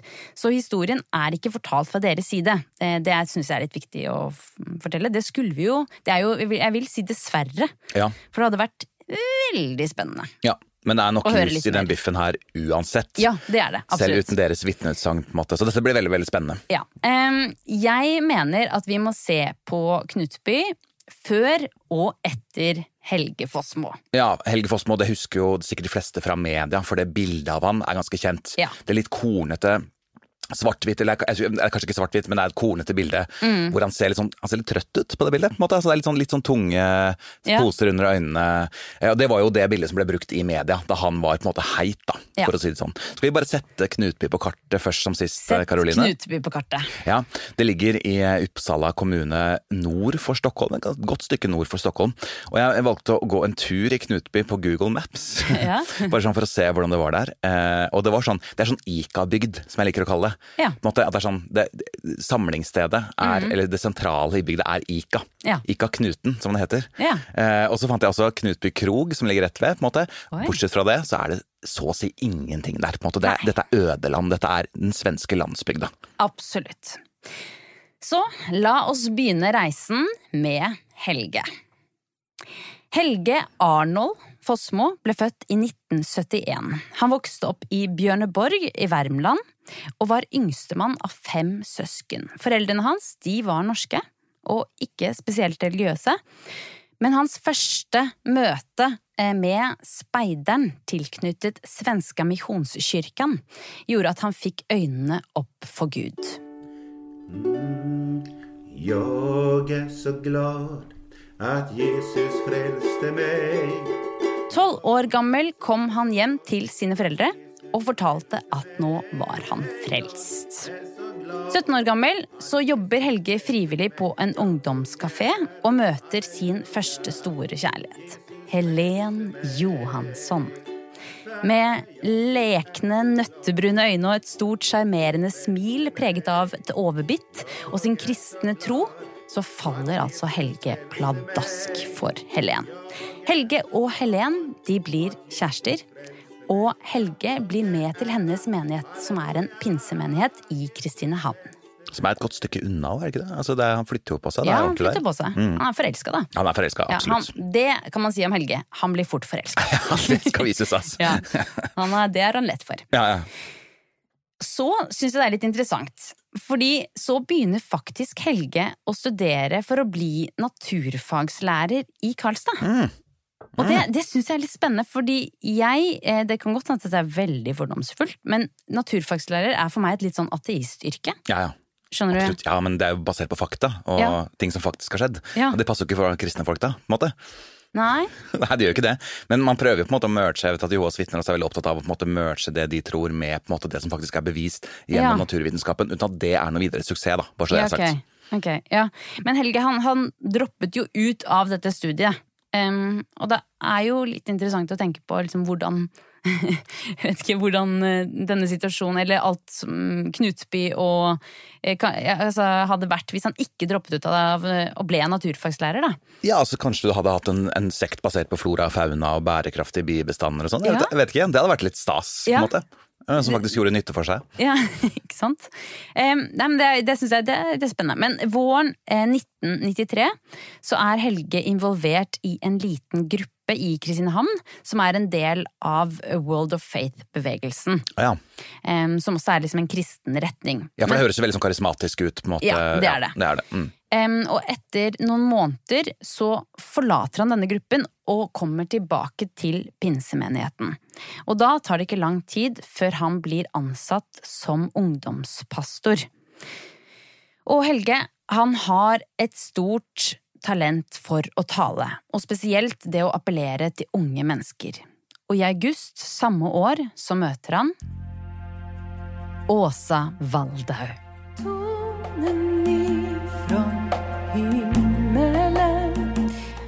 Åsa Maria Waldhaug er vakker, karismatisk og har en nær relasjon med Gud. Åsa vokser opp i Ørebro som en av fire søstre og er barnebarnet til en av pinsebevegelsens mest kjente ledere, Willis Sæve. Åsa eh, hadde faktisk blitt utestengt fra sin tidligere menighet i Uppsala, der hun jobbet som ungdomspastor, fordi menigheten de likte ikke hvordan hun var med ungdommene. Det var veldig mye klemming og berøring, eh, syntes mange. De syntes det var litt for mye. Og eh, da 25 år gamle Åsa hadde innledet et hemmelig forhold eh, til 15 år gamle Patrik Valdau. Mm. Og Åsa mister jo jobben, em, og Patrick tilbyr Åsa å bli med han hjem til hjemstedet eh, sitt, som er Knutby og deres menighet der. Ja, så hun mistet jobben. Hun ble ikke anmeldt.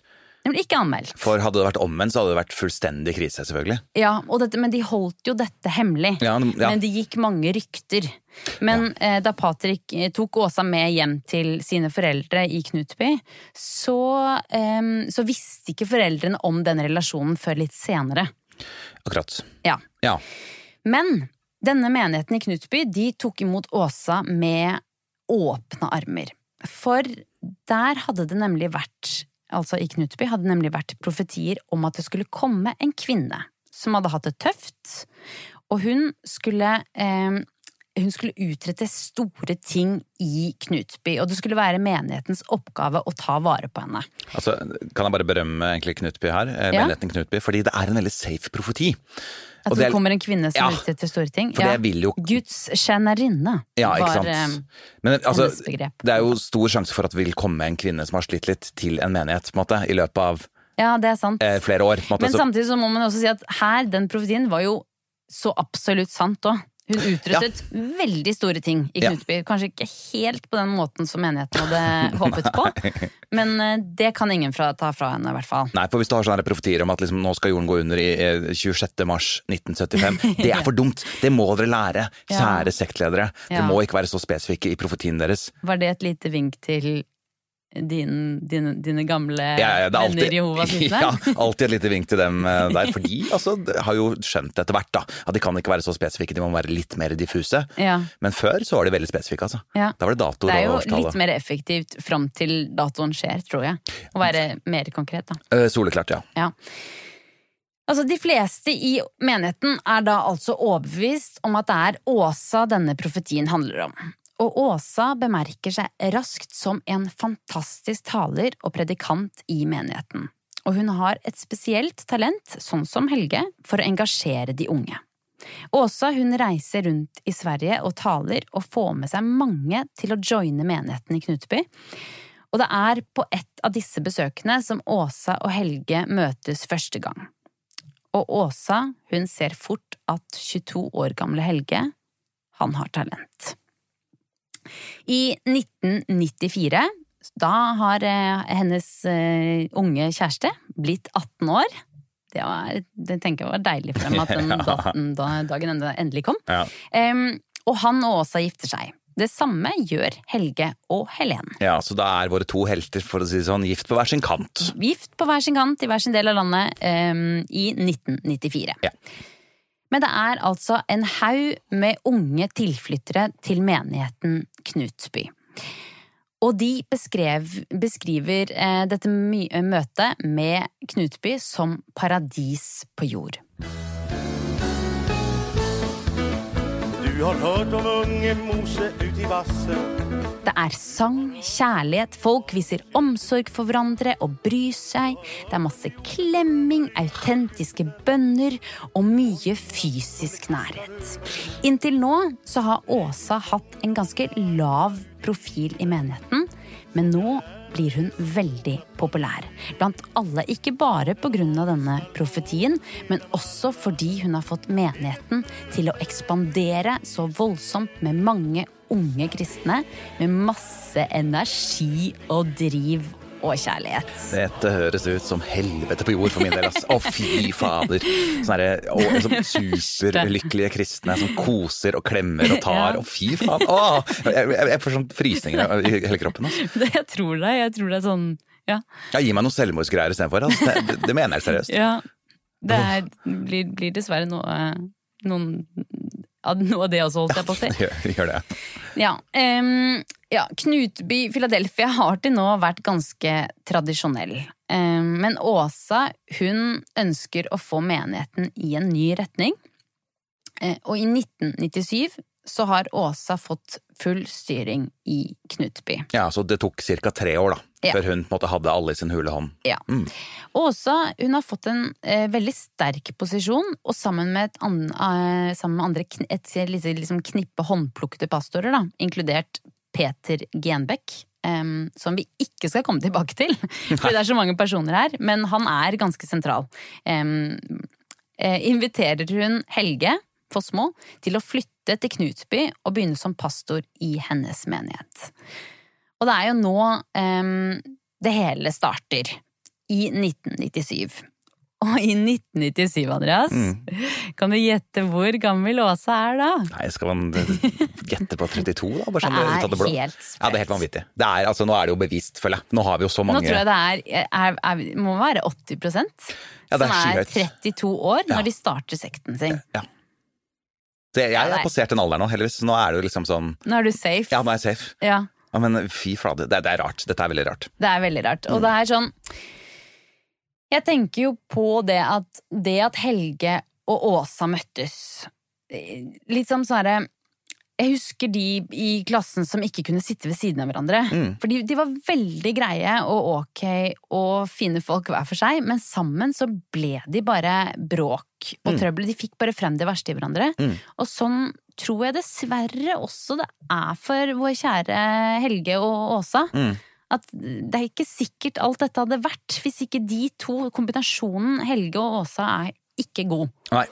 Em, for det tar jo ikke lang tid. Um, Helge ta, har jo tatt da med seg sin gravide kone og deres to barn eh, til Knutsby.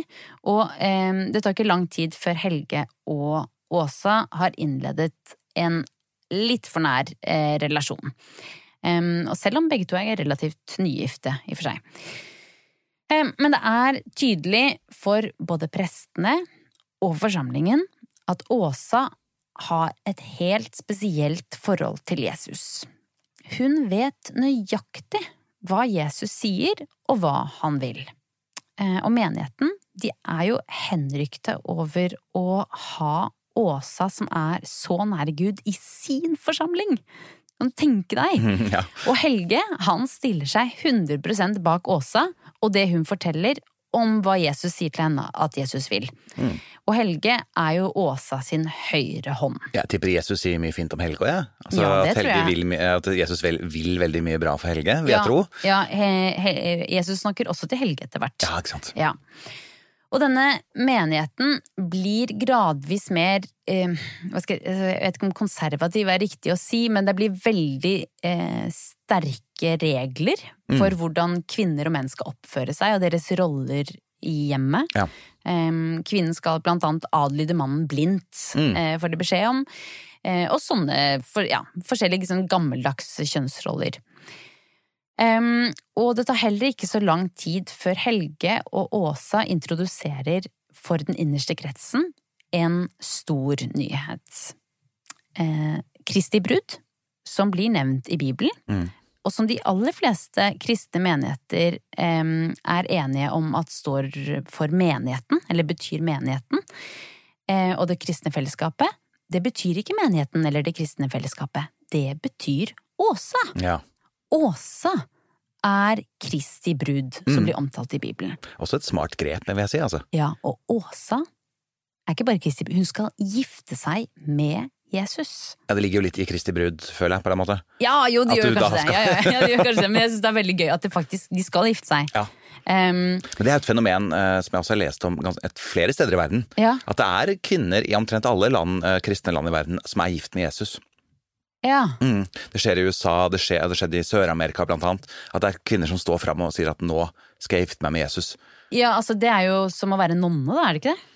Det vil Jo. egentlig si er samme sak. Ja, men jeg tror ikke nonnene selv mener at For de lever jo de, sølibat og men, alt men, mulig. de, vi, altså, de gir på en måte sin sin kropp og sin tid og sin, sitt alt til Jesus, da. Ja, men jeg har sett brudeseremonier, på en måte, eller oh, ja, bryllupsseremonier, ja. hvor folk har giftet seg med Jesus. Oi. Hvor det er jo selvfølgelig ingen andre der, på en måte, men uh, Ja. det er da henne i en brudekjole, på en måte, hvor hun gifter seg med Jesus. Ja, for det går an å gifte seg med seg selv òg.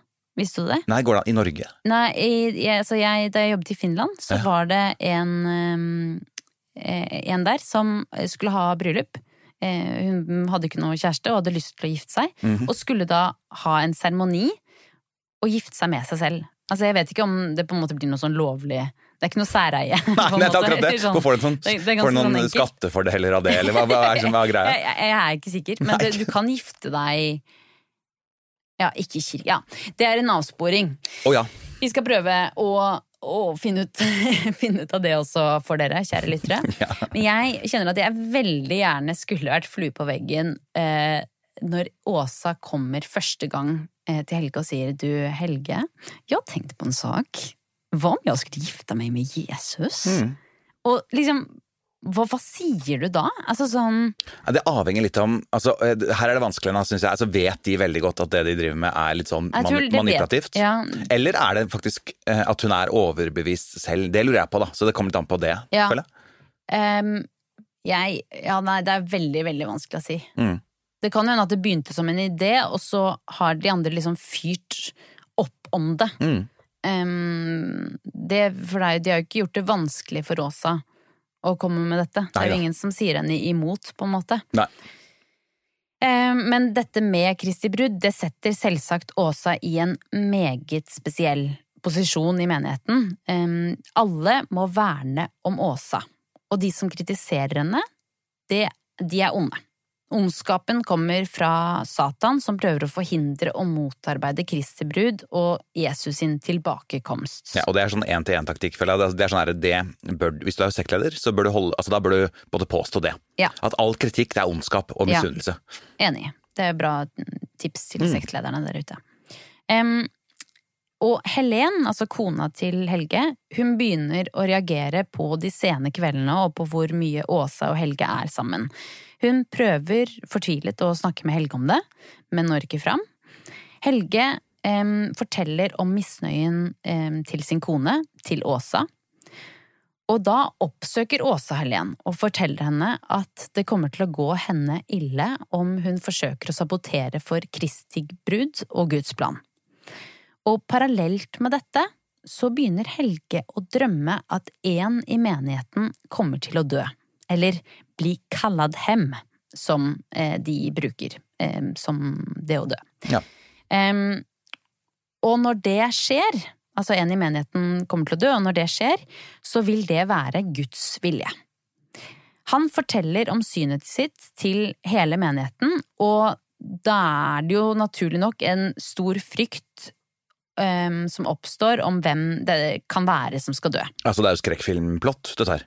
Ja, det Om En i menigheten her skal dø. Ja. Jeg vet ikke helt hvem, men jeg har, jeg har drømt det. Noen blir kalla det hem. Ja. Oh. Men så Han vet først ikke hvem det er, men så begynner han å drømme syv netter på rad, sies det, at det er hans kone Helen som kommer til å dø. Ja. Mm. Og så skjer det. I 1999 så finner Helge Helen i badekaret, død. Hun har tilsynelatende falt og slått hodet sitt. Eh, obduksjonen viser at hun i tillegg til et slag i hodet, eh, som angivelig skjedde av at hun falt, har hun også en god dose av en medisin med noe smertestillende som Helge bruker i blodet sitt. Eh, Men politiet kommer fram til at det hele var en ulykke. Ja. Og denne kanskje litt beleilige ulykken, da, den ryster jo forsamlingen. Åsa og Helge mener at de må ta dette som en advarsel om at de må lyde Gud og Guds ord. Og at Helge tydeligvis har en gave, siden han kunne forutse at dette kom til å skje. Og det sprer en enda større frykt for død og helvete i forsamlingen. Og fokuset på det å være rett og det å være feil blir veldig overskyggende. Mm. Og det kommer vi tilbake til. Rett og fel er liksom noen begrep vi skal gå inn på. Mm. Åsa foreslår at Helge skal gifte seg med hennes 15 år yngre søster, lillesøster eh, Alexandra. Og de forlover seg bare noen uker etter dødsfallet og gifter seg i år 2000. Men Helge, som er jo en fyr som liker damer, da, han har allerede klart å utvikle følelser for en nyankommet jente i forsamlingen, den unge Sara, senere kalt eh, Barnepiken eller Mm. barneflikkan. Mm -hmm. For en fittetyv, Helge. Eh, respekt til deg og hele din slekt. Ikke så, jo, hele din slekt. Em, og før vi går videre, så tror jeg vi skal ta en liten, rask intro på noen av de begrepene som brukes i forsamlingen. Jeg var inne på dette med fel og rett. Eh, forsamlingsmedlemmene, de er enten fel eller rett. Og hva, som får deg fel, det er det Åsa som avgjør. Og det er ingen som vet nøyaktig hva som må til for å bli rett igjen. Men det er Åsa som vet eh, når du har blitt rett igjen. Eh, og dette skjer både kvinner og menn og barn i forsamlingen, men det er som oftest kvinner Ja. som er fel. Ja. Um, Kristi brud, det var vi inne på, det er altså Åsa som skal gifte seg med Jesus. Og så har vi noe som heter lyktestolper. Det er menn som Åsa finner attraktive, og som får som oppgave å være stand-in for Jesus og vise henne eh, sitt begjær, altså Jesus sitt begjær. Mm. Og gi da eh, sex, intimitet og kos til Åsa. Og så har vi Hva? Nei, jeg på om jeg selv Jeg sitter og tenker på om jeg selv hadde fått være en lyktestolpe i den sekten. på en måte. Ja. liksom, fordi Om det er stas? Jeg tipper det var kjempestas, ja. Tror Ja, du ikke det? tror det? Ja, det er jo en Ja, kanskje. Ja. Ja, så du får lov til å ligge med Kristi brud, liksom. Det må jo være ja og hun er opphøyd. Hun er opphøyd, ja. Herregud, det er en hellig handling. Ja. Eh, Det er jo litt det samme som den Nexium-sekten vi snakket om, den sexsekten borte i USA. Ja, ja. Bare litt motsatte kjønnsroller her. Ja, Mm. det er sant. Um, så har vi det de kalte bordet, eller bordet. Det er den innerste kretsen med ledere, eller Åsa sine disipler og Åsa sine fortrolige. Mm. Og så har vi det som de kalte for hesten. Eh, fordi det er jo et voldsomt hierarki i Knutby. Men eh, det, knu, eh, det hierarkiet det stopper ikke med de voksne, det er også blant barna. Og hesten, det er de beste av de beste barna og ungdommene. Som regel barn av lederne. Mm. Og det er et eh, veldig sånn eh, De som ikke Altså de, de barna som blir fel, eh, av, som Åsa sier er fel, eller vi kan si feil, de blir da eh, ikke snakket med, de blir fryst ut, eh, og alle de andre barna må holde seg vekk eh, fra de barna som er, som er feil. Ja, splitt og hersk. Ja. Og så er det Kugjengen. Ja eller Kogjenget på svensk. Som også er en tegnfilm, er det ikke? Kugjengen? Jeg tror det. Eh, Mamma Ku. Ja, et eller annet. Ja. Hvem vet? Kutoppen. Kutoppen. Masse Ja. kugreier. Ja. Nei, men her er det da altså de kvinnene som er eh, feil. De blir eh, forvist fra sine egne hus, hjem og familier. Eh, Ingen i menigheten, heller ikke ektefelle eller barn, får lov til å snakke med deg så lenge du er feil. Mm. Og dette kan vare i flere år. Ja, så jeg tipper da en del av konene til lyktestolpene Ja, var kan kanskje være. en del av kugjenget. Ja, det Kan jeg se for meg. det kan absolutt være. Hvis de motsa seg, for eksempel motsa Åsa, eller ja. Mm. Men ok, tilbake til historien her. Helge har som sagt fått sterke følelser for Sara, Barnepiken. barnepiken, og innleder et forhold til henne, selv om han akkurat har giftet seg med Alexandra. Sara hun er ung, vakker og ønsker å tjene Gud. Og Helge får fikset det sånn at Sara får være barnepike for hans tre barn. Mm. Jeg, bare måtte googla litt her en dag, og så kom jeg over et, eh, en gammel VG-artikkel. Ja. Og der er det jo et bilde da av disse to kvinnene Ja. sammen på norgesferie. Ja. Eh, det, som er egentlig ganske trist. Og, for da står de ved siden av hverandre og vet ikke altså Hvordan- Alexandra vet ikke noe om hans forhold til Sara, eh, osv. Nei, det er jo veldig sånn hvor mye man vet og hvor mye man ikke vet. Det syns jeg er et mysterium i Knutby. Mm. Og hvor mye du lukker øynene for, da. ja, det var eh, Knutby Philadelphia, det også. Ja. Det var en historie som ga gjenklang i litt av en historisk løp i Skandinavia, i hvert fall. Ja, eh, og nå da tenker jeg vi skal runde av med eh, psykologien til disse sekklederne. Ja vel? Da for seg spørsmål fra deres lyttere osv. Ja, man tenker på tankene de har. På litt sånn drivkraft og litt sånne ting, da. Spennende. Ja. Kjør på. Yes. Gjennom 13 episoder med Sektpodden har vi støtt på flere spørsmål som vi, tro det eller ei, ikke har svar på. Derfor har vi i dag tatt grep og invitert en psykolog i studio. Du hører på Sektpodden med Caroline Glomnes og Andreas Preus Efskin. Wait till I tell you everything. Here you are.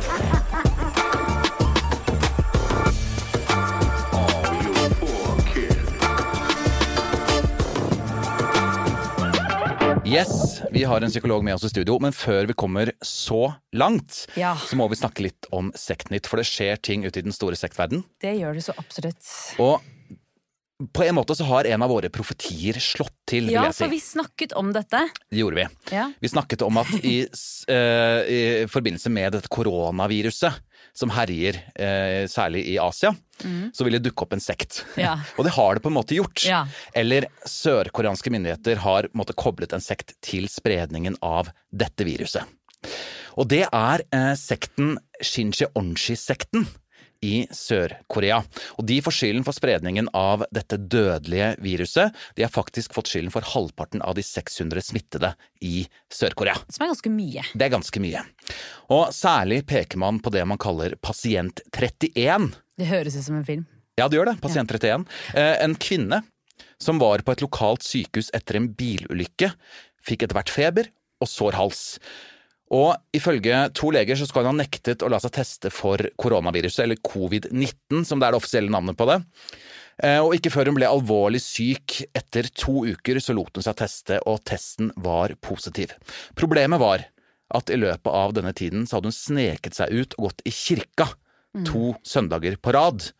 Og det var jo da hos denne eh, sekten, og den sekten her er en sekt som står veldig tett. Altså Det er veldig mye menneskelig kontakt i, på sine gudstjenester, og de nekter å bruke munnbind.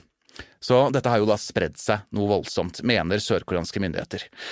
Eh, De har fått portforbud av den sørkoreanske regjeringen, faktisk nå. Ja.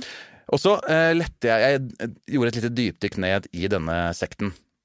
Og Det er jo ganske mye sånn rykte rundt dem nå, eh, men det som er sikkert er at den ledes av Li Man-hi, som er en 88 år gammel mann som mener at han både er Jesus og Satan. Ja. Det er ganske eh, rått å melde, egentlig. Han er også den eneste i verden som visstnok tolker Bibelen korrekt, og han er udødelig. Han skal leve evig. Og han leder da denne, denne sekten her. Og det som er skummelt her, er at denne sekten er en slags dommedagssekt. Det er alltid skummelt. Alltid skummelt. Og de mener selv at de skal bidra til menneskehetens undergang. Enda Er det skumlere. Ja, er det flere kilder som melder.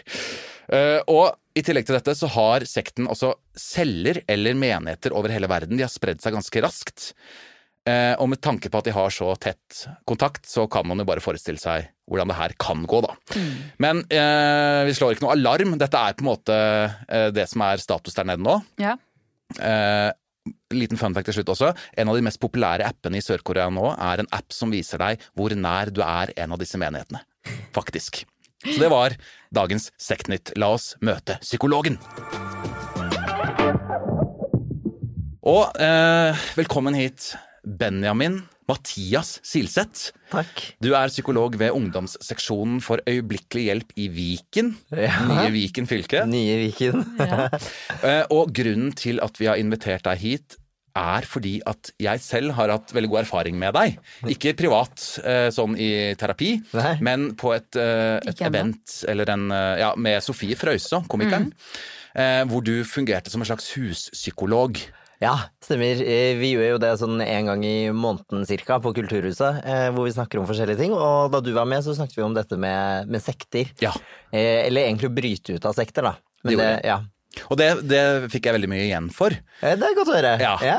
Og i og med at vi har en del spørsmål vi lurer litt på og sånn, Mm. så er ikke du nødvendigvis ekspert på sekter, men du er en psykolog, og du kan være med og på en måte sette dette litt i kontekst, og kanskje være med å grave litt sammen med oss. Jeg prøver i hvert fall. Ja. Det er jo mange, mange ting som spiller inn som jeg tror er ganske naturlig for oss mennesker. da. Men Mm. eh, det er jo sikkert eh, veldig mye som ikke er så lett å forklare også. Ja. Eh, I hvert fall sånn jeg har forstått sekter. Jeg kan jo Mm. ikke så mye om, om det. Eh, men dere har jo en hel podkast om det, så jeg regner med at dere er ekspertene på akkurat det. da. Ja, ikke sant? Vi skal prøve. Ja. Først skal du få en liten quiz. Ja, oi. Ja. Ok. Det er en veldig uhøytidelig quiz. Ja, bra. Jeg er kjempedårlig på quiz. Ja, for du heter jo Benjamin, og navnet ditt er forbudt i ett land i verden. Vil du tippe på hvilket? Oi. Eh, altså, eh, Benjamin, det betyr jo enten liksom eh, Guds høyre hånd eller lykkens sønn, så jeg tenker jo kanskje at det er i um, et, eh, et arabisk land. Det er riktig. Ja, du er veldig inne på riktig region. Snevret det inn. Jeg tenker kanskje i Saudi-Arabia. Du er helt, du helt rett. Nei, er det det? Det var helt sjukt bra. Det er så gøy, bare jeg er kjempedårlig på quiz, og så gjetter jeg det. Du naila det sant? på første forsøk. Hvorfor er det forbudt der? Det er fordi at den israelske statsministeren heter Benjamin Netanyahu. Netanyahu. Ja, stemmer. Det gjør han jo. Og der, ok, da er det ikke lov Derfor å hete ikke Benjamin. lov Nei. til å kalle noen det. Eller, men hvis man heter det, så må man bytte det, eller? Ja, det tror jeg ikke, men det er ikke lov til å kalle nyfødte det. Nei. Ok, så jeg, hvis jeg hadde hatt lyst, så kunne jeg reist til Saudi-Arabia. Ja, det- ja. ja, Det tror jeg. banna. Men du, du har et mellomnavn nå? Ja, Mathias. Ja, nettopp. Ja. Mathias er ikke forbudt. Ikke som jeg vet. De har over 50 navn som er forbudt. Ja. Oi, yes. Ja, Det er mange. og det er blant Benjamin. Men uh, veldig bra. For en start. Ja. Du gjør et kjempegodt inntrykk så tidlig i poden. Det var godt med en eh, selvtillitsboost. Ja. Så det, Eh, la meg bare stille et litt sånn personlig spørsmål først. Har du noe uh, tro? eh, nei. Jeg er nok ganske agnostisk av meg. Jeg kan eh, tenke og jeg kan tro på noe, men jeg er ikke overbevist om verken det ene eller det andre. Nei, Så du utelukker ikke at det er noe, en høyere kraft der ute? Eh, Det er litt sånn, Jeg er veldig midt på treet. Jeg er både ja og nei, fordi eh, jeg har også noe av det jeg frykter mest i hele verden. Det er døden. Det er mange som gjør det, da. Men jeg tror litt på grunn av det så er jeg, har jeg lyst til å tro på noe. Så jeg tror det er liksom dødsangsten som får meg til å tro. Eh, men egentlig på det rasjonelt plan så tror jeg dessverre ikke det fins noe. Nei, ikke sant. Nei. Ja, det er jo et kjempeinteressant eh, svar. Um, eh, hva med deg, Karoline? Har du noe Jeg har jo en veldig sterk personlig tro, som vi har vært inne på. Veldig sterk personlig tro. Men jo, men jeg vil si det, egentlig, altså. Men det har jeg hatt fra jeg var liten. Mm. Jeg har liksom alltid hatt det. Mm. Men aldri vært del av noe kristent fellesskap eller Ja, mine venninner var liksom de som ble tatt ut av kristendomsundervisningen på barneskolen. Fordi de skulle ikke få lov eller, altså Jeg vet ikke om de ikke fikk lov til å lære, men de skulle liksom lære om livssyn istedenfor, da. Mm. Så jeg har aldri hatt det derre um, kristne fellesskapet, som jeg egentlig er ganske fornøyd med å ikke ha vært Eller jeg vet det blir feil å si, men, eh, men jeg tror det er Ja. ja jeg er jo, som vi har vært inne på, også litt allergisk mot liksom, når ting blir grupper. Mm. Um, så jeg har vært fornøyd med å være litt utafor gjengen på den måten. Mm. Og det tar jo oss med inn på spørsmålet hvorfor er det så viktig for oss mennesker å tro? Eller, Det er, det er, det er så viktig for mange mennesker å ha en tro. Ja, altså jeg tror jo nettopp en av grunnene til at vi er så opptatt av, å, av dette med tro, er kanskje litt sånn det stikk motsatte av, eh, av det som ble nevnt her, da, med å ikke, ikke ha tilhørighet til en gruppe. Fordi før så var det jo veldig viktig å tilhøre en gruppe på en helt annen måte. ikke sant? Da vi Mm. var sånn jegere og sankere, så måtte du jo tilhøre en gruppe for å overleve. Hvis ikke døde du, for da fikk du ikke mat, og du fikk ikke spredd genene dine, og det var ingen som hjalp deg med å oppdra barna dine eventuelt. Så du var helt avhengig av det.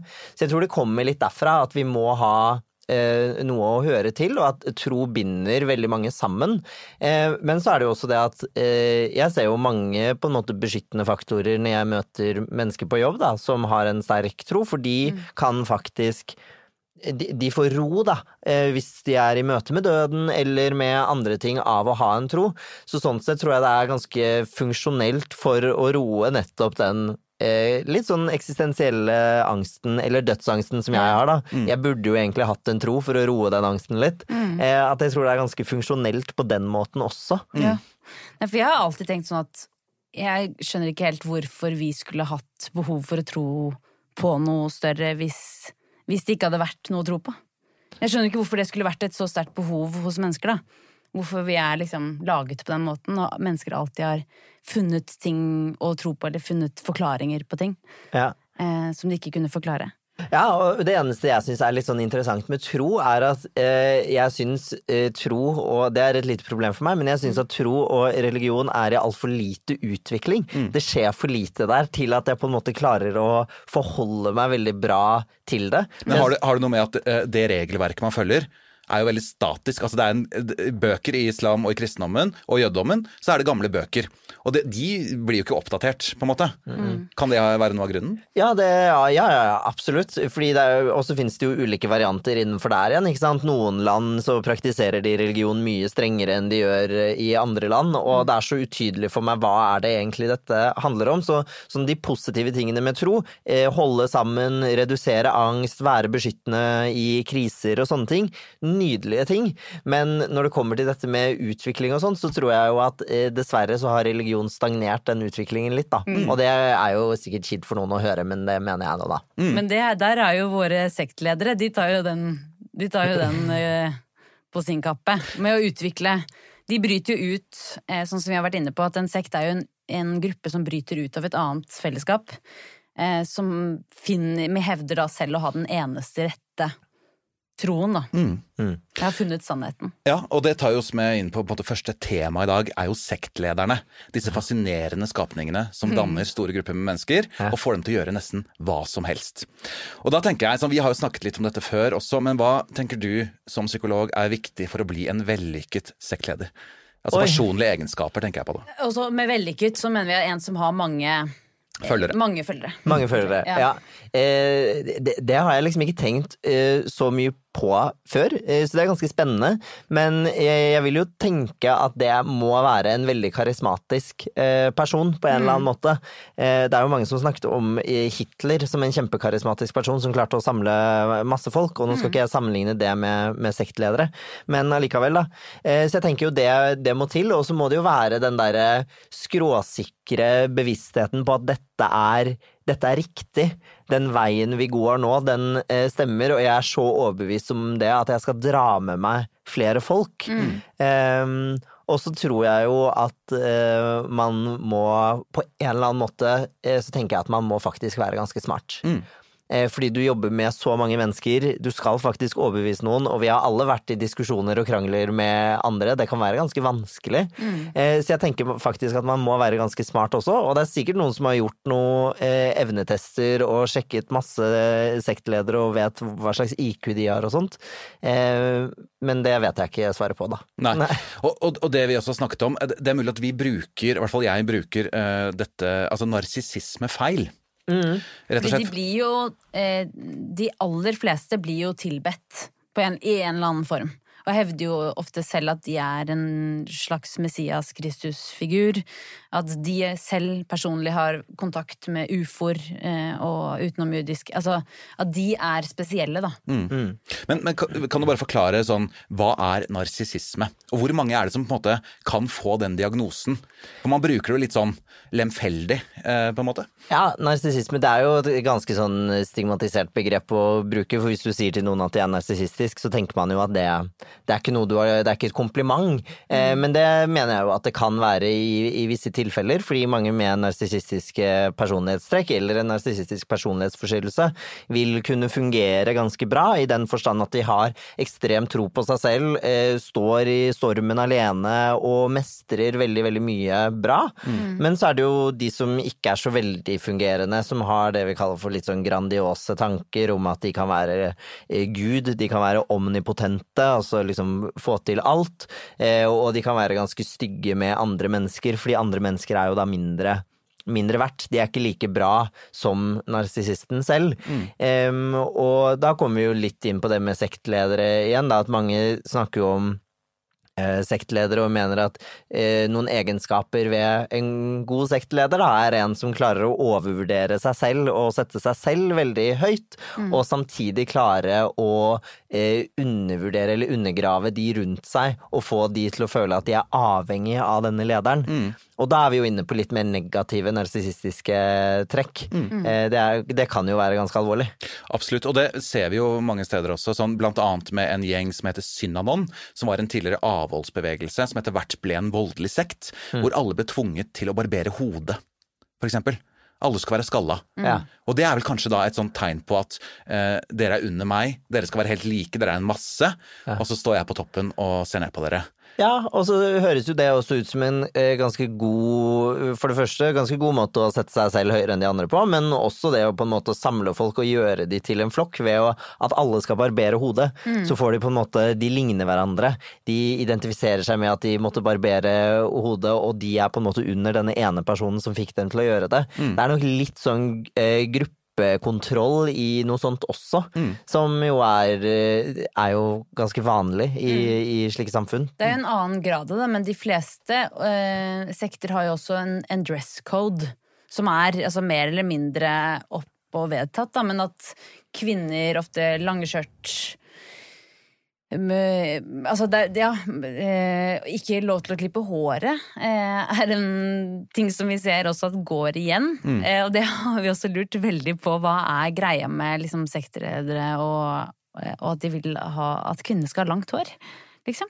Ja, al altså Akkurat hvorfor kvinner skal ha langt hår, det, det vet jeg ikke. Eh, men det høres jo Eller for meg så høres det ut som at eh, det er mange regler knyttet opp eh, mot eh, ulike samfunn, og at det handler om kontroll, rett og slett. Ja. Fordi mye av dette med, med sektkultur og sånne ting dreier seg jo om å kontrollere større, eh, større grupper av mennesker. Mm. Eh, og jo mer du klarer å få en gruppe mennesker til å kle seg likt eller oppføre seg likt eh, osv., jo mer vil de føle at de er en særegen gruppe. Mm. At det er på en måte dem mot resten av verden, som da går i vanlig Hennes og Maurits-klær, for eksempel. Ja, ja. Eh, Så jeg tror det er mange av de reglene som opprettes som mindre samfunn må forholde seg til, handler rett og slett om kontroll. Og Mm. vise at dere må følge mine regler, da hører dere til her. Ja. Og det øker den tilhørigheten. Gjelder det det samme da med eh, Fordi det er også nesten alle eh, de som er tilhengere, blir på et tidspunkt eh, så, så, så bytter de navn. Mm. De tar et nytt eh, sektnavn.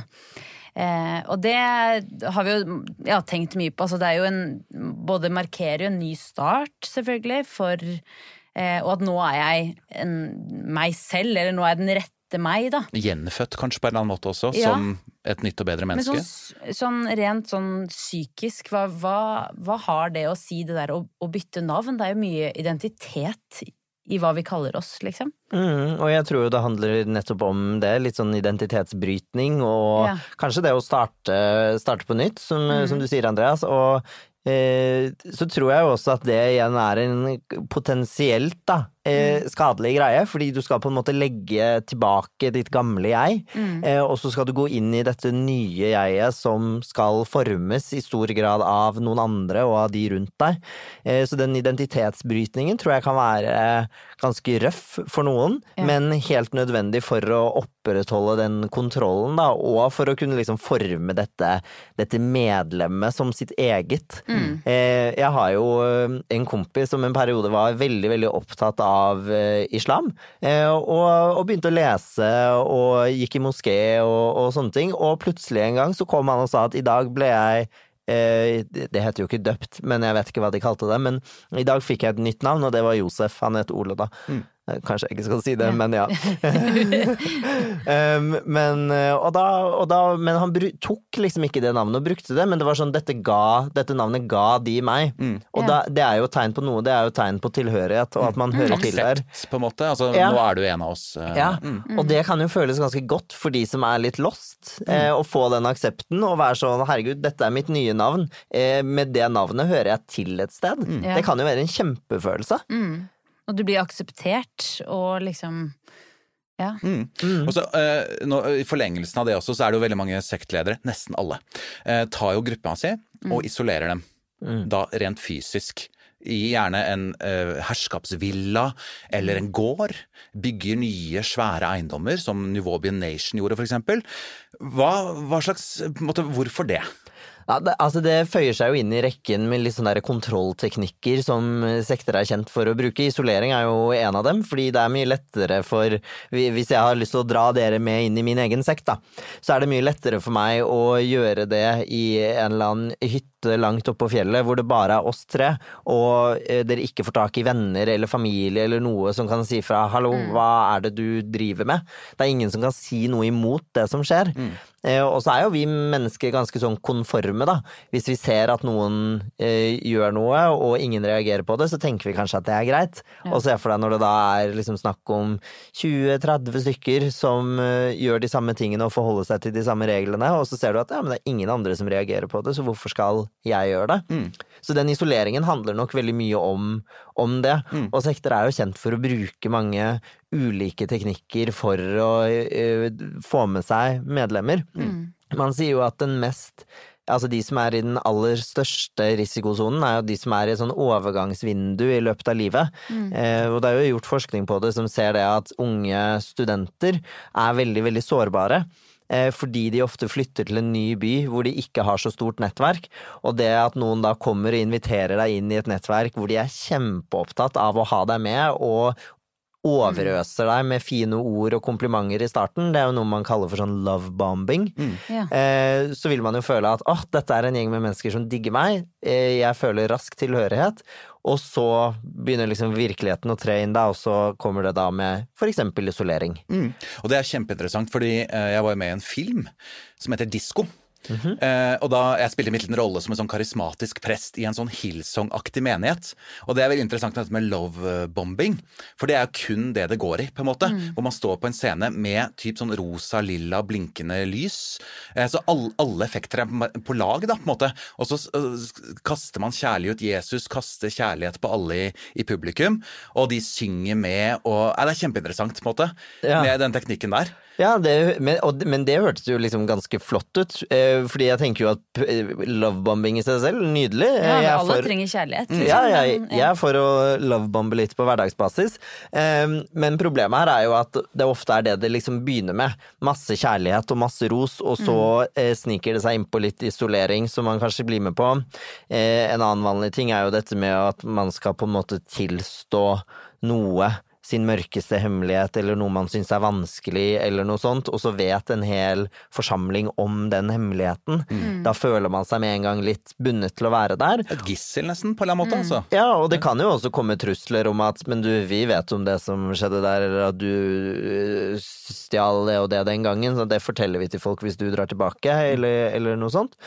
Uh, ja. Ja, for det var jo en, eh, det var jo en eh, sexsekt som vi ikke har tatt opp ennå her i Sektpodden. Ganske Mm. sånn ny eh, sekt borti USA. Hvor da, eh, det handlet da om at alle ble tvunget til å ta eh, avslørende bilder av seg selv. Nakenbilder. Som da ble samlet inn på en måte av de som drev sekten. Som da vi brukte da. ja, som Ja. pressmiddel. Du kan Mm. ikke forlate, for da kommer det ut Mm. i alle kanaler. på en Ja. måte. Så det er kjempeinteressant, egentlig. Scientologkirken også, som vi også skal ta for oss, selvfølgelig. Mm. Bruker jo samme, Taktikk, ja. samme taktikk. Ja. Ja, og det er, jo, det er jo så ekstremt vanlig, og så Mm. kan man jo liksom stille seg spørsmålet hva er det som får folk til å, når man er i en, i en sekt, hva er det som får folk til å ta slike bilder av seg selv? Men jeg tror man undervurderer den tilhørigheten man opplever. Ja. Eh, I tillegg så er det jo ganske vanlig å i perioder på en måte forstyrre med litt sånn sensoriske ting. Man kan eksempel sørge for at medlemmene ikke får sove noe særlig. Man kan eh, tilbakeholde mat videre. Ja, det har vi også sett. Mm. eh, At forskjellige dietter eh, som Ja. Medlemmer blir satt på. Ja. Ja, ikke sant? Og det er jo utrolig hva som etter, etter 48 timer med for dårlig, altså veldig, veldig lite søvn, Mm. så begynner jo hjernen å produsere hallusinasjoner og, og sånne ting. Mm. Eh, Så det er veldig mye som skjer hvis man blir så deprivert for enten søvn eller mat eller andre Ja. ting, at da tror jeg man blir litt sånn Det er lett å si ja, da. Mm. Eh, For nå skal jeg være med på dette. Og det er litt tilbake til Synanon, som vi snakket om, denne AA-sekten, eh, som da hadde eh, terapisesjoner eh, som varte i 40, kunne vare opptil 48 timer. på en måte. Oi. Hvor du da bare sitter og sliter ut. kaste dritt på Kaste dritt på hverandre, ja. I 48 timer. Mm. Men også det med avhold, eh, avholdenhet fra sex har jo også blitt brukt at du, alle må leve i sølibat. Ja. Blir også brukt som en kontroll, vil jeg anta. da. Ja, ikke sant? Det blir, jo, det blir jo regler og kontroll det handler Mm. om, og jo mer man begynner å følge noen av de reglene, Ja. jo lettere er det å akseptere nye regler som kommer senere. Mm. Så det er jo en farlig loop, da. Ja, og dette gjaldt jo også eh, gifte par. Men at sektleder har bestemt, bes, skulle bestemme når Ja. de skulle få lov til å ha sex, eh, og når de skulle få lov til å få barn, eller prøve å få barn. Og, Men hvorfor Ja. er det så viktig for, det gjelder jo egentlig religion generelt, da, men eh, mange sekter å kontrollere medlemmenes seksualdrift? Det er et eh, veldig godt spørsmål, og jeg tror jo det handler om at sex er en veldig For mange av oss da, så er det en veldig naturlig drift, og noe som vi alle eh, trekkes mot. Før så snak- snakket man jo om at det var i reproduksjonssyn. Eh, syn. Nå er det jo også i ganske stort nytelsessyn, men driften er nå fortsatt den grunnleggende samme. Da. Mm. Eh, Så jeg tror det handler om at ved å på en måte kunne kontrollere det, så tar du kontroll over en ganske essensiell og viktig del av folks liv. Ja. Eh, At noen andre skal styre seksualiteten vår, er jo, det er jo helt hinsides når man tenker på det her og nå for oss som sitter her, da. Mm. Eh, mens i en gruppe så vil nok det føles eh, ekstremt kontrollerende. Og så tror jeg også at med sex så utløses det jo eh, dopamin og sånne ting som gjør oss glade. Det er liksom belønningssystemet. Så det er når du får den derre nå, nå kan dere ha sex, eller, eller hvis det er det som blir bestemt, Ja. da, så blir det også en liten sånn avhengighet i det. Mm. For vi mennesker er jo veldig enkle. Hvis vi vet at vi gjør husvasken og får en sjokolade, så er sannsynligheten stor for at vi tar husvasken dagen etter også, fordi vi tenker det kommer en belønning. Mm. Og den belønningen higer vi etter. En annen ting, også, eh, Vi skal eh, litt videre på tilhengere etter hvert, men jeg lurer på dette med fiendebildet. Det å skape et ytre fiendebilde. For jeg husker fra Jehovas vitner, så eh, ble de kalt, altså de som ikke var med i medlemmene, ble kalt de verdslige. Eh, og de skulle man egentlig ikke ha så mye kontakt med, så, så barn i menigheten Verdslige, hva, hva, hva legger man i det? det, det er jo det motsatte på en måte av Nå er jeg litt usikker på ordets opprinnelse, Ja, men, men- de som ikke er, har funnet sannheten, på en måte, Ja. da, de som tilhører verden. Ja. Eh, og, og da ble vi barn vi ble oppfordret til å ikke spille fotball, ikke være med i på en måte, organisasjoner utenfor menigheten. Hva slags effekt har det på mennesker? Oi, det, det vil jeg jo si har ganske mye. Bare sånn fra et sånn sosialt perspektiv, da, så lærer vi jo ekstremt mye i samhandling med andre. Én ting er jo via eh, voksne og sånt, men barn lærer jo ekstremt mye av hverandre og den der naturlige leken. Eh, jeg kan jo også, nå snakker jo ikke jeg noe erfaring, jeg bare antar at i en sex så er man ganske like, og det gjelder mye like regler for, for veldig mange. Um, og da går man jo glipp av det, de utfordringene man må tilpasse seg i et sosialt samspill når noen har andre regler å forholde seg til enn sine egne, eller en annen væremåte osv. Så, videre. så jeg vil jo tro at man går glipp av eh, ganske mye, men så er det jo, og det er jo grunnen til at jeg liker å jobbe med barn, da, eh, det er jo fordi at barn og unge så er det veldig mye å hente inn igjen hvis man kommer ut av det tidlig nok. Hadde det vedvart livet ut, så tenker jeg at det hadde skapt større forandringer eh, for et menneske. Ja. Mm. Og øh, Kan jeg stille et privat spørsmål, eller litt sånn privat spørsmål da, i og med at du jobber med barn og unge? Ja, ja, ja. Eh, hva tenker du om barn som blir oppfostret i sekter? Er det, kan man, for jeg kunne jo funnet på å kalle det barnemishandling, på en måte. Mm. Og det er et veldig, veldig, veldig sterkt ord. Hva tenker du om det? Det er jo eh, kjempevanskelig å forholde seg til, fordi jeg vil nok eh, tenke at man beveger seg inn på et område av eh, noe omsorgssvikt, da. Mm. men så er jo også problemet at veldig ofte så får jo mange barn i sekter får jo på en måte dekket noe grunnleggende behov, som vi ser, mm. men blir frarøvet mye annet. Eh, men så er det jo også noe sånt med at eh, sekter er ganske gode på dette med å bevege seg sånn akkurat innenfor det som er greit og ikke, så det er så vanskelig å gjøre noe sånn juridisk sett. Og det er jo den store liksom, tabben med hele systemet vårt, da, og er en frustrasjon, eh, jeg jobber med hver eneste dag. Mm. Det er jo juss og system og alt sånt. Ja. Så jeg, jeg vet ikke om jeg liksom er helt avhengig av sekten, så er det sikkert barnemishandling som eh, skjer, men omsorgssvikt tenker jeg at er på en måte tema, da. Mm. Jeg vet ikke hva du tenker om det selv. Nei, altså jeg er veldig usikker selv, og derfor jeg liker å diskutere det. Ja. Eh, for det er, jo, eh, det er jo, som du sier, avhengig av sekten. Men eh, barn går glipp av så mye informasjon, og en får en liksom feil virkelighet innprentet, mener jeg da. Mm. for jeg mener jo at verden ikke henger sammen på den måten som man opplevde i Hoas vitne, f.eks. Mm. Det, det bare er tull. Og jeg merker jo selv også at jeg har gått glipp av veldig mye fra ba barneben av. Da. Altså, det, ting som jeg måtte lære meg senere i livet. Jeg har følt at jeg, liksom heng, jeg har hengt etter Ja. i utviklingen, på en måte, på grunn av at det er så mye jeg ikke har lært meg. da. Men man vil jo tro og håpe at da eh, foreldre i for eksempel Jehovas vitne eh, tenker at de gjør det beste for sitt barn, Mm. eh, må man jo bare håpe at de tenker at eh, dette, er den, dette er den virkeligheten som er den riktige å lære bort, og ikke den som de lærer utenfor sekten, på en måte. Mm. Og det er jo så vanskelig, Men- det så vanskelig å si også, fordi Ja. at man vet liksom litt avhengig av hvor lenge kanskje foreldre har vært medlemmer av, eh, av sekten og sånne ting, så vet man jo ikke hvor, hvor sterk er egentlig den overbevisningen. Er det Mm. deres egen overbevisning, eller er det gruppe og tilhørighet vi snakker om? Mm. Eh, Det er jo kjempevanskelig å motstå det presset fra så, så mange andre. Men hva med religionsfrihet, da?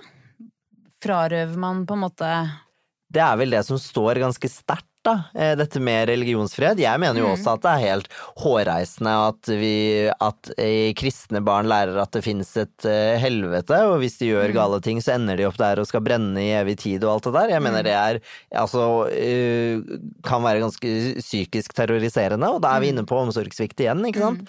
Så jeg mener jo at jeg, jeg mener jo at mye av det er skadelig Ja. og tull, men så er det jo også mye som er positivt og beskyttende i det også. Ja. Og religion er jo en ting man ikke kan røre så mye. Ja, det som eh, Bare som Andreas i episode to her, var det vel, så gikk vi litt mer inn i eh, Andreas sin erfaring med Jehovas vitne og sånn. Eh, og det som jeg eller som satte seg mest hos meg, var at man på en måte Eller Andreas ble eh, Måtte gå fra dør til dør. Og liksom misjonere. Ja. Eh, det, fordi der Det føler jeg at det, Der er- tråkker du over noen grenser for hva som er greit. Eh, en ting er hvis man ønsker selv å være med, men at det ble lagt opp at man måtte gå sammen med en voksen, ikke nødvendigvis mor eller far, eh, og gå fra dør til dør og ringe på og skulle stå for noe som man Ja, nei, der, der kjente jeg at det var sånn Jeg kjenner jeg blir helt sånn eh, trist og frustrert av å, av å snakke om det, liksom. At Ja. det, er, ja, det gikk skikkelig inn på meg, for det syns jeg var he helt forferdelig. Men hvor, hvor gammel var du da? Det var ganske tidlig. Ja. Eh, Da snakker vi altså Jeg husker altså, sikkert sju-åtte år, altså. Ja, det er tidlig. Ja, det er veldig tidlig. Det er liksom, da skal man spille ball på løkka, Ja, man skal det. eh, ikke misjonere. Og jeg tenker at du skal ikke tenke på de store tingene. altså sånn, du trenger, altså Selvfølgelig, det fins noen barn som sikkert stiller de store spørsmålene og tenker på, men du skal ikke ringe på hos fremmede mennesker på Tveita og predikere om dommedag, liksom. Det, er ikke en, det skal ikke en syvåring gjøre. Nei. Det synes jeg, En ting er liksom, ja, det er veldig kjipt å ikke skulle spille fotball eller ikke skulle feire 17. mai og de tingene, som selvfølgelig holder deg utenfor. Men ja, det der med dør til dør, det er Ja. Ja. Enig, selvfølgelig. Ja. Men eh, bare et kjapt spørsmål nå, eh, og det er Vi har funnet ut Mm. eh, gjennom vår research at utrolig mange sektledere starter med sektvirksomheten sin Ja. i en alder av 32. Ja, okay. Det er den magiske alder. Ja.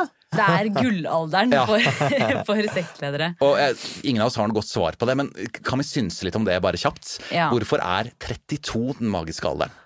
Oi. Og det, dette gjelder da egentlig utenlandske sekter for det Ja, meste. stort sett. Eh, Vi har jo ikke eh, bitt oss så mye inn på de norske sektene fordi vi er litt redde. Neida, vi er Har dere ikke- fått noen trusler? Nei, nei, vi har ikke fått trusler. Det har vi ikke fått. Men, eh, men, vi, men vi har spart de norske sektene litt. Men vi har jo selvfølgelig også sett på de norske sektlederne. Eh, og der starter det Der, der ligger vi ti år etter, så der er det 42. Ja. Som er en veldig, veldig eh, aktuell alder. Ja, ja, og den, den syns jeg er litt lettere å svelge, for når du er 42, så da er du voksen, da har du levd litt, og da har du på en måte erfaring Ja. på, på bakken, og så, ja, eller hva man Samtidig sier. som du ikke er gammel og utdatert. Ja. Skjønner du? Ja, du kan fortsatt være Nå holdt jeg på å si litt digg.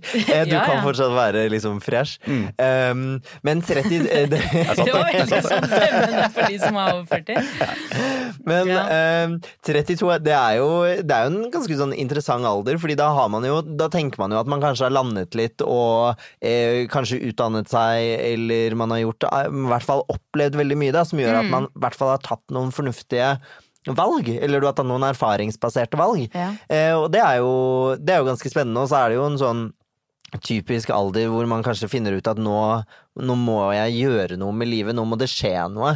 Eh, jeg begynner jo, jeg er 28 år, så jeg begynner å nærme meg 30 og begynner å kjenne på den der med at herregud, nå, nå må jeg liksom få til, få til ting, eller nå, nå må ting skje. Mm. At kanskje det er litt sånn ekstra gir som trer inn der. Ja. Eh, og så tror jeg også at man må ha eh, for det første så må man være ganske ferdigutviklet for å Starte en sekt. Ja, Eller- jeg, eller jeg tenker at det kanskje er en fordel, da. Ja. Eh, og hjernen er jo Den er jo ikke ferdigutviklet før man er sånn i midten av 20-årene mot eh, 30-årene, og forandrer seg hele tiden. Um, og så tror jeg jo også at det blir litt viktigere med den derre den troen, kanskje. Eh, det med den overbevisningen om at det kanskje det er noe mer Mm. eh, ved livet etter døden. Det er jo ofte et veldig stort eh, trekkplaster for mange. Mm. Eh, og det der med å få en sånn overbevisning om det fordi man selv begynner å nærme seg, eller ikke nærme seg, men man begynner å kjenne på den jeg husker i hvert fall Da jeg var sånn 18 år, så tenkte jeg at herregud, jeg er udødelig. Eh, og nå som jeg begynner å nærme meg 30, så begynner jeg å kjenne på min egen dødelighet. At Ja. den realiseringen kanskje kommer litt Ja. mer inn i den alderen. Og kanskje man også har eldre foreldre. Altså at man ser foreldregenerasjonen Jeg vet ikke. Ja, bli man- gamle. man altså, møter- sånn, ja, begynner å møte døden. Ja. Vi er jo 32 begge to. Du har fire år igjen til du er i riktig sektalder. Ja. Så det blir spennende å se hva slags Men sekt vi som du bør egentlig bare Vi må bare hive oss gir. Ja. Ja, for det, jeg kommer jo da til å ende opp som et potensielt medlem for deres sekt, jeg, da. Ja, ja. Det er, Jeg er for ung. Fader. Og det er en veldig god overgang til dette med tilhengere. Ja. For jeg lurer på Er det noen fellestrekk hos mennesker som søker seg til sekter, tror du? Du var litt inne på det i stad. Ja, det, det med overgangsvinduer har jo vist seg å være ganske, ganske viktig, og det gjelder jo for mange andre ting, men nå snakker vi om sekter, så da må vi trekke det inn mot det. Eh, men da er man jo mottagelig for veldig, veldig mye, eh, og, og det er lettere å få tak på, tak på personen, da, for man har lyst til å føle en eh, tilhørighet. Eh, det er også, har man sett, eh, lettere å tiltrekke seg mennesker som er i krise, på en eller annen måte. Hvis man har opplevd, si at man har mistet eh, partneren sin, da, eh, og står alene, eh, så er det lettere å, å trekke inn eh, disse menneskene. Mm. Det er jo også dessverre sånn at man har sett litt på sånn sosioøkonomisk status, som handler om liksom utdanning og foreldres utdanning, eh, økonomiske vilkår og sånne ting, og sett at de som er i litt lavere sjiktet der, Mm. de har også en dragning mot, eh, mot sekter i mye større grad. Og det tenker jeg jo handler om at ofte så sier jo sektledere sånn at her er det økonomisk uavhengighet, og bare gi fra deg alle eiendeler, så tar vi oss av resten, og du får det du trenger. Det tror jeg er befriende for mange. Bare åh, jeg slipper det ansvaret. For det, det har vi også sett at uh, veldig mange eh, sekter fungerer som en slags sånn at de alle jobber, uh, leverer inn pengene sine til på en måte en sektleder eller Mm. et styrende råd, som igjen da fordeler utover, på en måte. Ja. Som fungerer som en sånn verge, kan man si Mm. det på en eller annen måte? Det er vel stort sett bare den Aum Shinrikyo, hvis jeg husker riktig. Den japanske sekten, eh, som hadde tilhengere med veldig så Der alle var nesten professor, eller de var veldig høyt nivå. Ah, ja. Men det var én sekt. Mm. Eh, som, ja, Ja. i Japan. Også et litt stygt spørsmål. Handler det om intelligens, tror du? Oi, det Det er farlig. jeg- det er brennbart. Ja, det er veldig brennbart. Eh, Det er det. Men jeg tror jo både ja og nei. Eh, Jeg tror jo at folk eh, kan bli på en måte trukket mot sekter litt sånn uavhengig av intelligens. Men der jeg tror intelligens blir viktig, er jo litt mer på dette med de som blir igjen når ting begynner å bli litt drøyt. Eh, ta, eh, hvis man snakker om Jonestown, for eksempel, hvor det var ekstremt mange mennesker som døde, eh, så tenker jeg at der er det større sannsynlighet for å begynne å innse hva det er som foregår, hvis du er litt mer eh, oppegående. Mye av det vi eh, har snakket om, dette med å liksom ikke få nok mat og ikke nok søvn, det å bli isolert og alle, alle sånne typer ting, det er jo ting som påvirker psyken uavhengig av intelligens. Men jeg tror det momentet som er før der, når ting begynner å skje og utvikle seg, der tror jeg det kanskje er en fordel. Ja, For noen Ja. ser faretegnene kanskje klarere enn andre. Ja, jeg tror det begynner å legge merke til hva som skjer, og så ser man jo også at på en måte, og det er jo også litt sånn trist å, å snakke om kanskje, men det er, jo, det er jo fakta da, så vi får bare ta det som det er, men de med høyere intelligens har jo en tendens til å eh, i større grad søke høyere utdanning, de får seg jobber, og så videre. Da hører man fort til et fellesskap fellesskap allerede, som jo reduserer risikoen litt for at du trenger å føle tilhørighet et annet sted. Ja, og mange blir jo frarådet å ta høyere utdanning i sektene.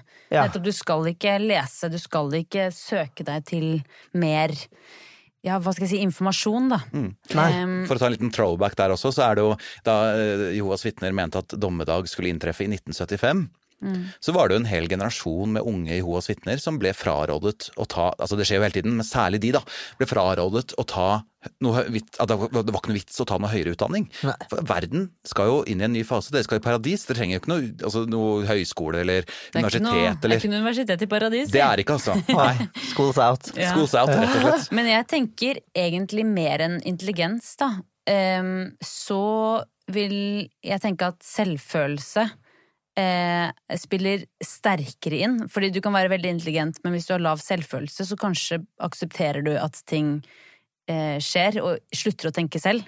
Mm. Eh, vi skal, nå, vi skal jo kanskje ikke inn på utbryterne helt enda, men i et utbryter, eller når du, når du sier liksom stopp, dette her har vært gøy, men nå er det nok.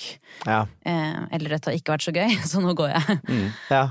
Ja, ja, ja, jeg tror det, altså det er jo så mye som spiller inn, og mye vil jo være litt sånn situasjonsbetinget også. Ja. Eh, litt sånn eh, møter man en person eh, eller en gruppe mennesker på et tidspunkt i livet, Mm. så er det større sannsynlighet for at du blir med dem da, enn hvis du hadde møtt dem på et annet tidspunkt i livet. Ja. Så det er veldig mye sånn situasjonsbetinget eh, også, og jeg tror, jo jeg tror de aller, aller fleste av oss kunne på en måte på et eller annet tidspunkt falt, falt inn i en sekt da. Mm. Jeg var jo i San Francisco for et par år siden, og så gikk jeg Farlig mye sektaktivitet i San Francisco, faktisk. ja, vel, ja, men det tror jeg på, for jeg gikk forbi Scientologikirken, og så sto det sånn 'free testing today'.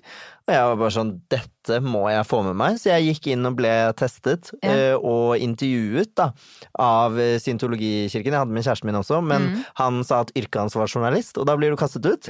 Mens jeg var psykolog, mm. så det gikk helt fint. Ja.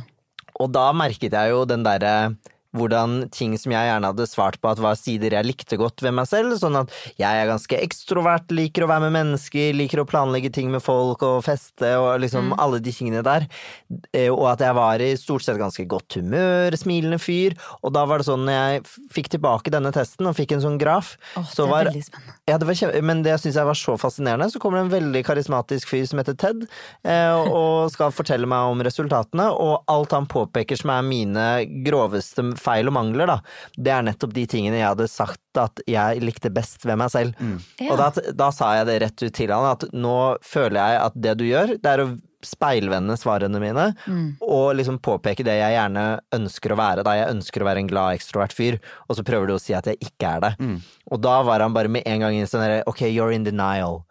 Ja. Og liksom rett på. Og da kjente jeg at hvis jeg ikke hadde vært den jeg er, som er ganske trygg på meg selv, Mm. så kunne jeg følt på den der at fader, kanskje jeg kan få noe svar her på hvorfor jeg kommer ut sånn på den testen. Ja, ja, Men da kjente jeg på det. Hvis du hadde svart at du var eh, innadvendt, at du likte å være i ro, du var en eh, type som taklet stress veldig bra, og liksom vært stolt av de tingene der også, at, eh, da ville du også sikkert fått samme resultatet, tror du ikke det? Altså at, at Jo, jeg følte, jo, jeg følte jo veldig at det var liksom taktikken der, Mm. da. At uansett hva jeg svarte, og de tingene jeg satte pris på ved meg selv, det skulle de ta meg på. Mm. For å vise at vi kan hjelpe deg med å oppnå det du ønsker, og det du tror om deg selv. Ja. Men da, og da var det sånn bok jeg måtte kjøpe, og et kurs jeg måtte gå på.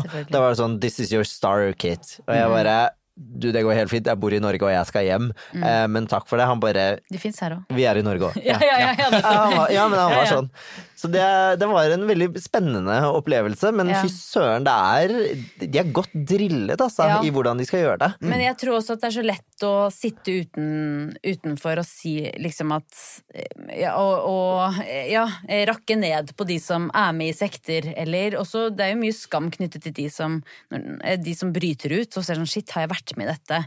Ja, det er en, en sånn skamfullt over at man liksom har blitt lurt, eller man føler seg dum, eller ja, alt det der. Men jeg tror jo at det er flere av oss, eller flere mennesker som er tilbøyelige for å bli med i en sekt, enn å bryte ut av en.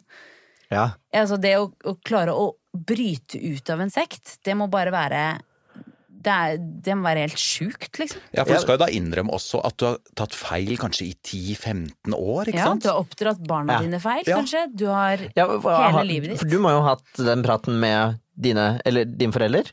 Ja? Hvordan var, hvordan var det? Eh, Det var øh, Ja, hvordan var det? Nå må jeg tenke litt tilbake. Nei, det, det er jo Jeg tror det er en sånn skyldfølelse der på en eller annen måte, som er litt vanskelig å ta tak i. Ja. jeg er jo ikke bitter øh, på min mor, for eksempel, da, som brøt ut. Jeg, jeg syns jo det er Hun vokste jo også opp i Yes, sekten, da. det gjorde hun. Sånn at Jeg synes hun det var utrolig Det er ganske sterkt. Det er ganske sterkt, utrolig modig valg å ta. Eh, og det, for det er så mange konsekvenser av det valget. Ja. eh, ting er at du må, liksom må ja, innrømme at du har tatt feil, trodd på feil ting. En annen Mm. ting er jo det sosiale. Og nå er vi litt over på utbrytergruppen Ja. her også. Eh, det sosiale hvor du da eh, på en måte du mister all kontakt, du blir isolert eh, fra sekten. Eh, du blir gjerne skjelt ut. Mm. Eh, ulike steder. Altså, møter du noen tidligere venner på gata, så kan du virkelig få en skyllebøtte da, midt i fjeset. på en måte, En sånn aggressiv skyllebøtte. Det skjedde med henne. Uh, så det krever veldig mye mot, tenker jeg, å, å virkelig ta det steget. da. Men jeg har bare prøvd å sette meg inn i det. Sånn, hvis, hvis det å bryte ut av noe Si at jeg ikke trodde på det. Jeg, trodde ikke på det sekten sa, men jeg var en del av det. Eh, både mamma og pappa var der, brødrene mine var der. Mm. Jeg var gift inn i sekten. Eh, alle vennene mine var der. Altså koselige vinkvelder.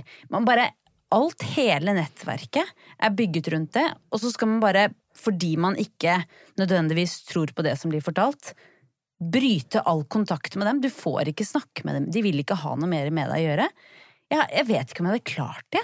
Nei, og da, tenk, da kom jo den der eh, isoleringen som du snakket om i stad, Andreas, ja. inn, for den blir jo så viktig da. Fordi en av de viktigste grunnene til å ikke forlate sekten er jo fordi du er eh, isolert og har ingen andre å forholde deg til. Da må du eventuelt bygge opp det nettverket Ja. helt på nytt. Og for eksempel som for moren din, da, som jo var voksen på det tidspunktet, så er det ganske utenkelig å tenke at nå skal jeg ha bygge et helt nytt nettverk. Mm. Eh, Men så er det jo, kommer det jo barn inn i, i bildet og sånne ting, og så tenker man jeg skal i hvert fall ønske en bedre fremtid for dem. Ja. Og da er det ganske sterkt å, å kunne gå ut. Mm. Eh, og det snakker man jo mye om sånn hvordan er det man liksom skal, kan hjelpe hvis man kjenner noen, da? Hvordan kan man hjelpe dem i å bryte ut av en sekt? Mm. Jeg vet ikke hva dere tenker om det. Hva, hva hadde dere likt hvis noen skulle hjelpe dere med å bryte ut av en sekt? Invitere, uh, oi, det- meg på fest og sånn. Ja, jeg tror jeg. Vis Ja. meg, Ja. eh, show me the world, som han sier Uh, I can show you the world i Aladdin. på en måte. Altså, li- litt den holdningen der. Jeg, Ja. jeg må vite litt hva jeg går til. Jeg tror jeg måtte liksom skjønt at det, den verden jeg da skal inn i Men er det ikke Amish som har en sånn romspringa, så hvor de drar ut og kjenner på livet, og det er vel eh, ganske god statistikk på de som returnerer? Ja, det er veldig høyt. Ja. Da snakker vi jo sånn Nå tar jeg litt eh, tall ut av luften, Mm. men det er, det er, er det 80 Altså det er veldig høyt, da. Men tror du ikke, dette her høres jo ut som et, en, en tøysegreie. Ja. Nå skal vi, ja, ja, du får 24 timer i Las Vegas, så skal du se all synd. Og så kommer du tilbake igjen. Oi, du kom tilbake, du har valgt det selv. Ja, for er ikke det men jeg er, tror her er det noen skuespillere inne i bildet, tenker jeg med en gang. ja, det kan godt være. Å, men er det ikke sånn at det er litt på ubestemt tid også, hvor lenge den kan vare? Nei, Før du vender tilbake? Er det ikke rundt åra? Jeg lurer på om Jo, det er det er ja. ganske lenge, Ja. liksom. Så jeg tenker sånn, hvis, si at du da er ute et år, og så kjenner du på det ekte livet, Mm. og så eh, Ikke sant, men så begynner jeg å tenke eh, du er vant til å vokse opp i veldig kontrollerte omgivelser. Du har de og de reglene å forholde deg til. Foreldrene dine forholder seg til det. Alle du kjenner, er der.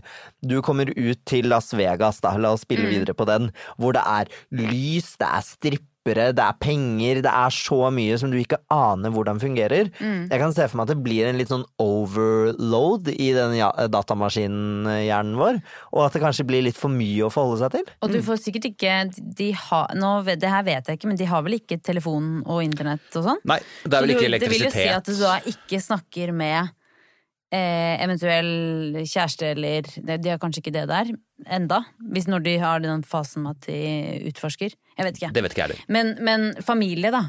Venner. Du, du snakker jo ikke med dem eh, i løpet av det året hvis du er borte et helt år. Så savnet må jo være helt ekstremt. Altså, jeg er en ganske Mm. hjemmekjær eh, person, person. Men det savnet må jo over, altså, Mm. toppe over eller eh, eventuelle Mm. i Vegas, liksom. Men jeg husker jo det, bare sånn eh, kjapt for å ta det også, eh, da eh, jeg på en måte skjønte selv, og da var jeg ganske ung, da, at dette tror jeg ikke på. Mm. Ikke sant? Jeg tror ikke på evig liv i paradis. Det er en helt sånn fjollete tanke for meg. Og da husker jeg at jeg, jeg trengte å fylle livet med en annen mening. Ja, gjorde du det?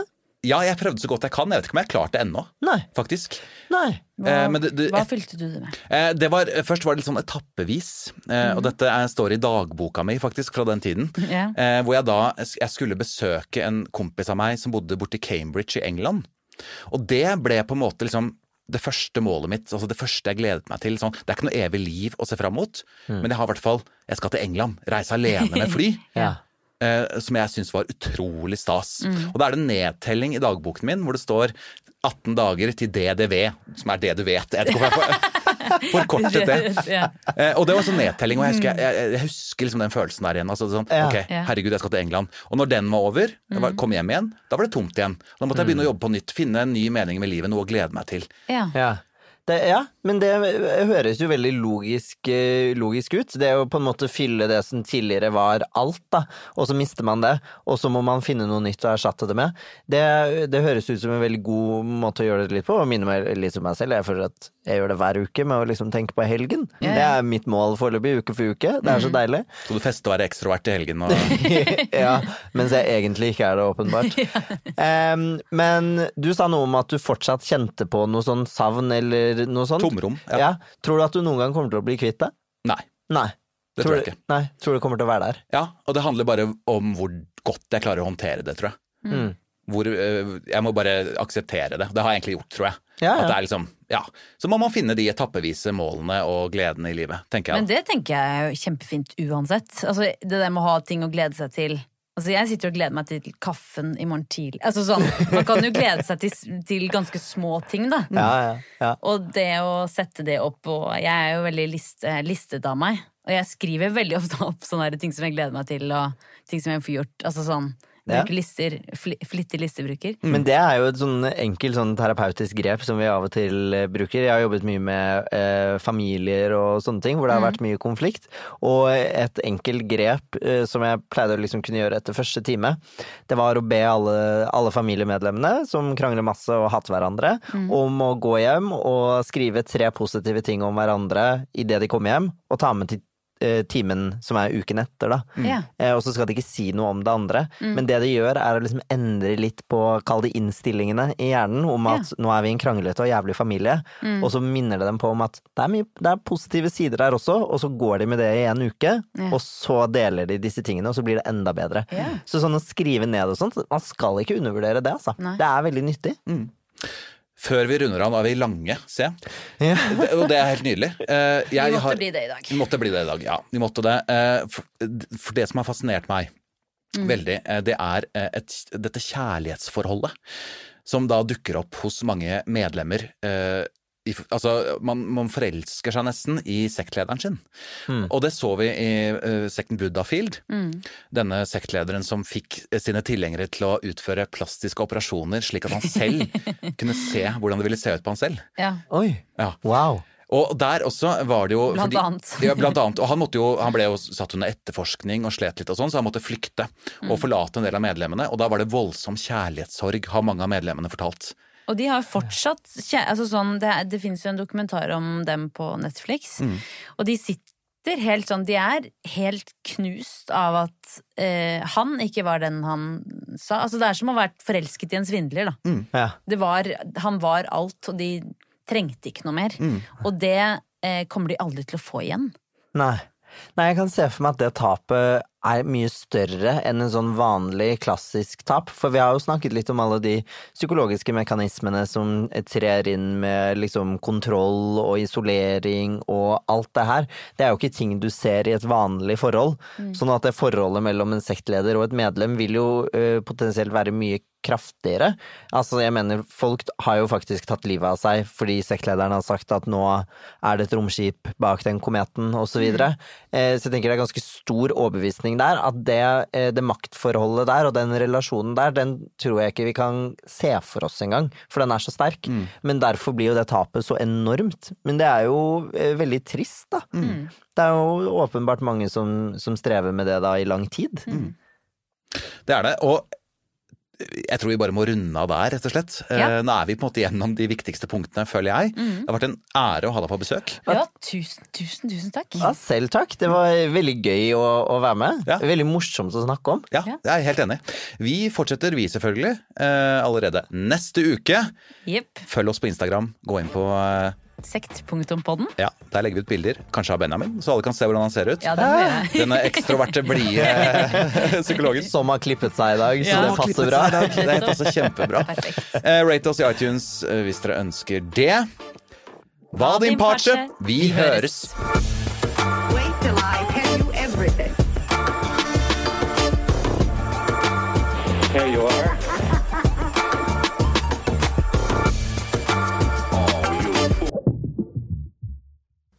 Ja, det var eh, psykologien bak sektene sektene og sektelederne.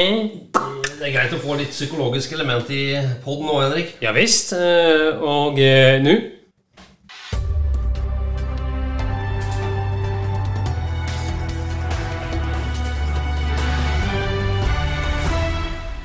NRK-hjørnet.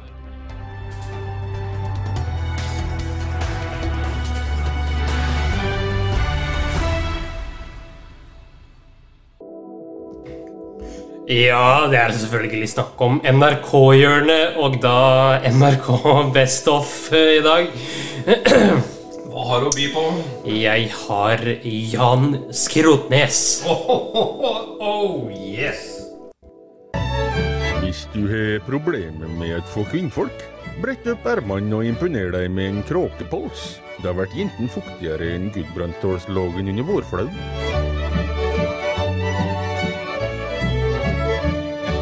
Jan Skrotnes er 110 år gammel og kommer fra Ringebu i Gudbrandsdalen. Han har jobbet som vaktmester på Ringebu skysstasjon i 93 år, og har irritert tilreisende og lokale med sitt bedrevitende vesen så lenge han har levd. Han har vært på Norge Rundt hele 248 ganger og kan skilte med Europas lengste øreflipper. Det beste Jan Skrotnes vet, er å tilsynelatende tilfeldig dumpe borti folk så han kan overlesse de med sin rurale og meningsløse kunnskap. Hei, Skrotnes. Hallo. Hvordan gjenger det her i på Vinmonopolet? Jo, takk. Bare bra. Jeg skulle hatt ei helflaske med dølavin. Dølavin? Nei, det har jeg ikke hørt om engang. Dølavin er brennevin basert på kråkepiss og elgkuler, det. Nei, det tror jeg ikke fins noe sted, dessverre. Ja vel. Kan jeg få sjonglere med disse flaskene? Nei. Jeg sjonglerte faktisk med vinflasker på Brandenburger Tor da NSDAP vant valget i 1933. Hei da! I 2004 gjennomførte Ringebu kommune en trivselsundersøkelse blant innbyggerne. På åpent spørsmål om hva som måtte til for å gjøre Ringebu til et bedre sted å bo, svarte samtlige 400 respondenter at Jan Skrotnes måtte fjernes fra kommunen. I 2006 sultestreiket 4356 av 4357 innbyggere foran Stortinget i et forsøk på å få tvangsdeportert Jan Skrotnes til en annen kommune. Demonstrasjonen førte ikke frem, og 200 demonstranter ble innlagt på Ullevål universitetssykehus pga. underernæring.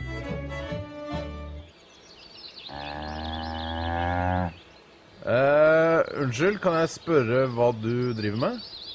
Jeg sitter jo og melker ei einspenn og ko. Ja, du, du er sikker på at det ikke er en okse du sitter der og melker? Jau, dette er ei eldgammel norsk korase som heter for enkeltspent kvige. Det ble faktisk en av de eldste av norsk tamfe. Ja vel, den ser i hvert fall veldig lik en okse. Så, se her nå, nå kommer mjølken. Det ser veldig ut som altså, Er du sikker på at ikke det der er en Byfolk sitter nede i metropolene og trykker i seg gudbrandsdålsost uten å vite det drøvel om hvor det kommer ifra.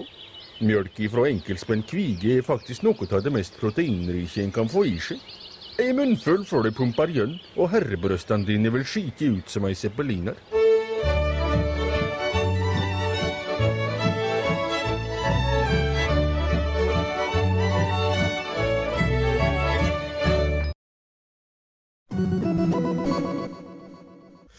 Ja, det var eh, veldig fint og veldig groteskt på en gang. Ja da.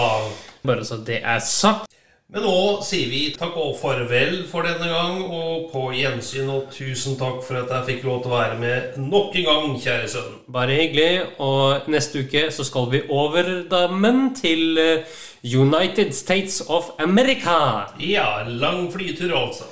Ja, rett og slett. Ha det godt. Ha det godt. Tusen takk for at du fulgte oss. Gi gjerne tilbakemelding, likes eller kommentar på Facebook-siden vår Generation X versus Z. Velkommen igjen til neste podkastepisode. Hei då!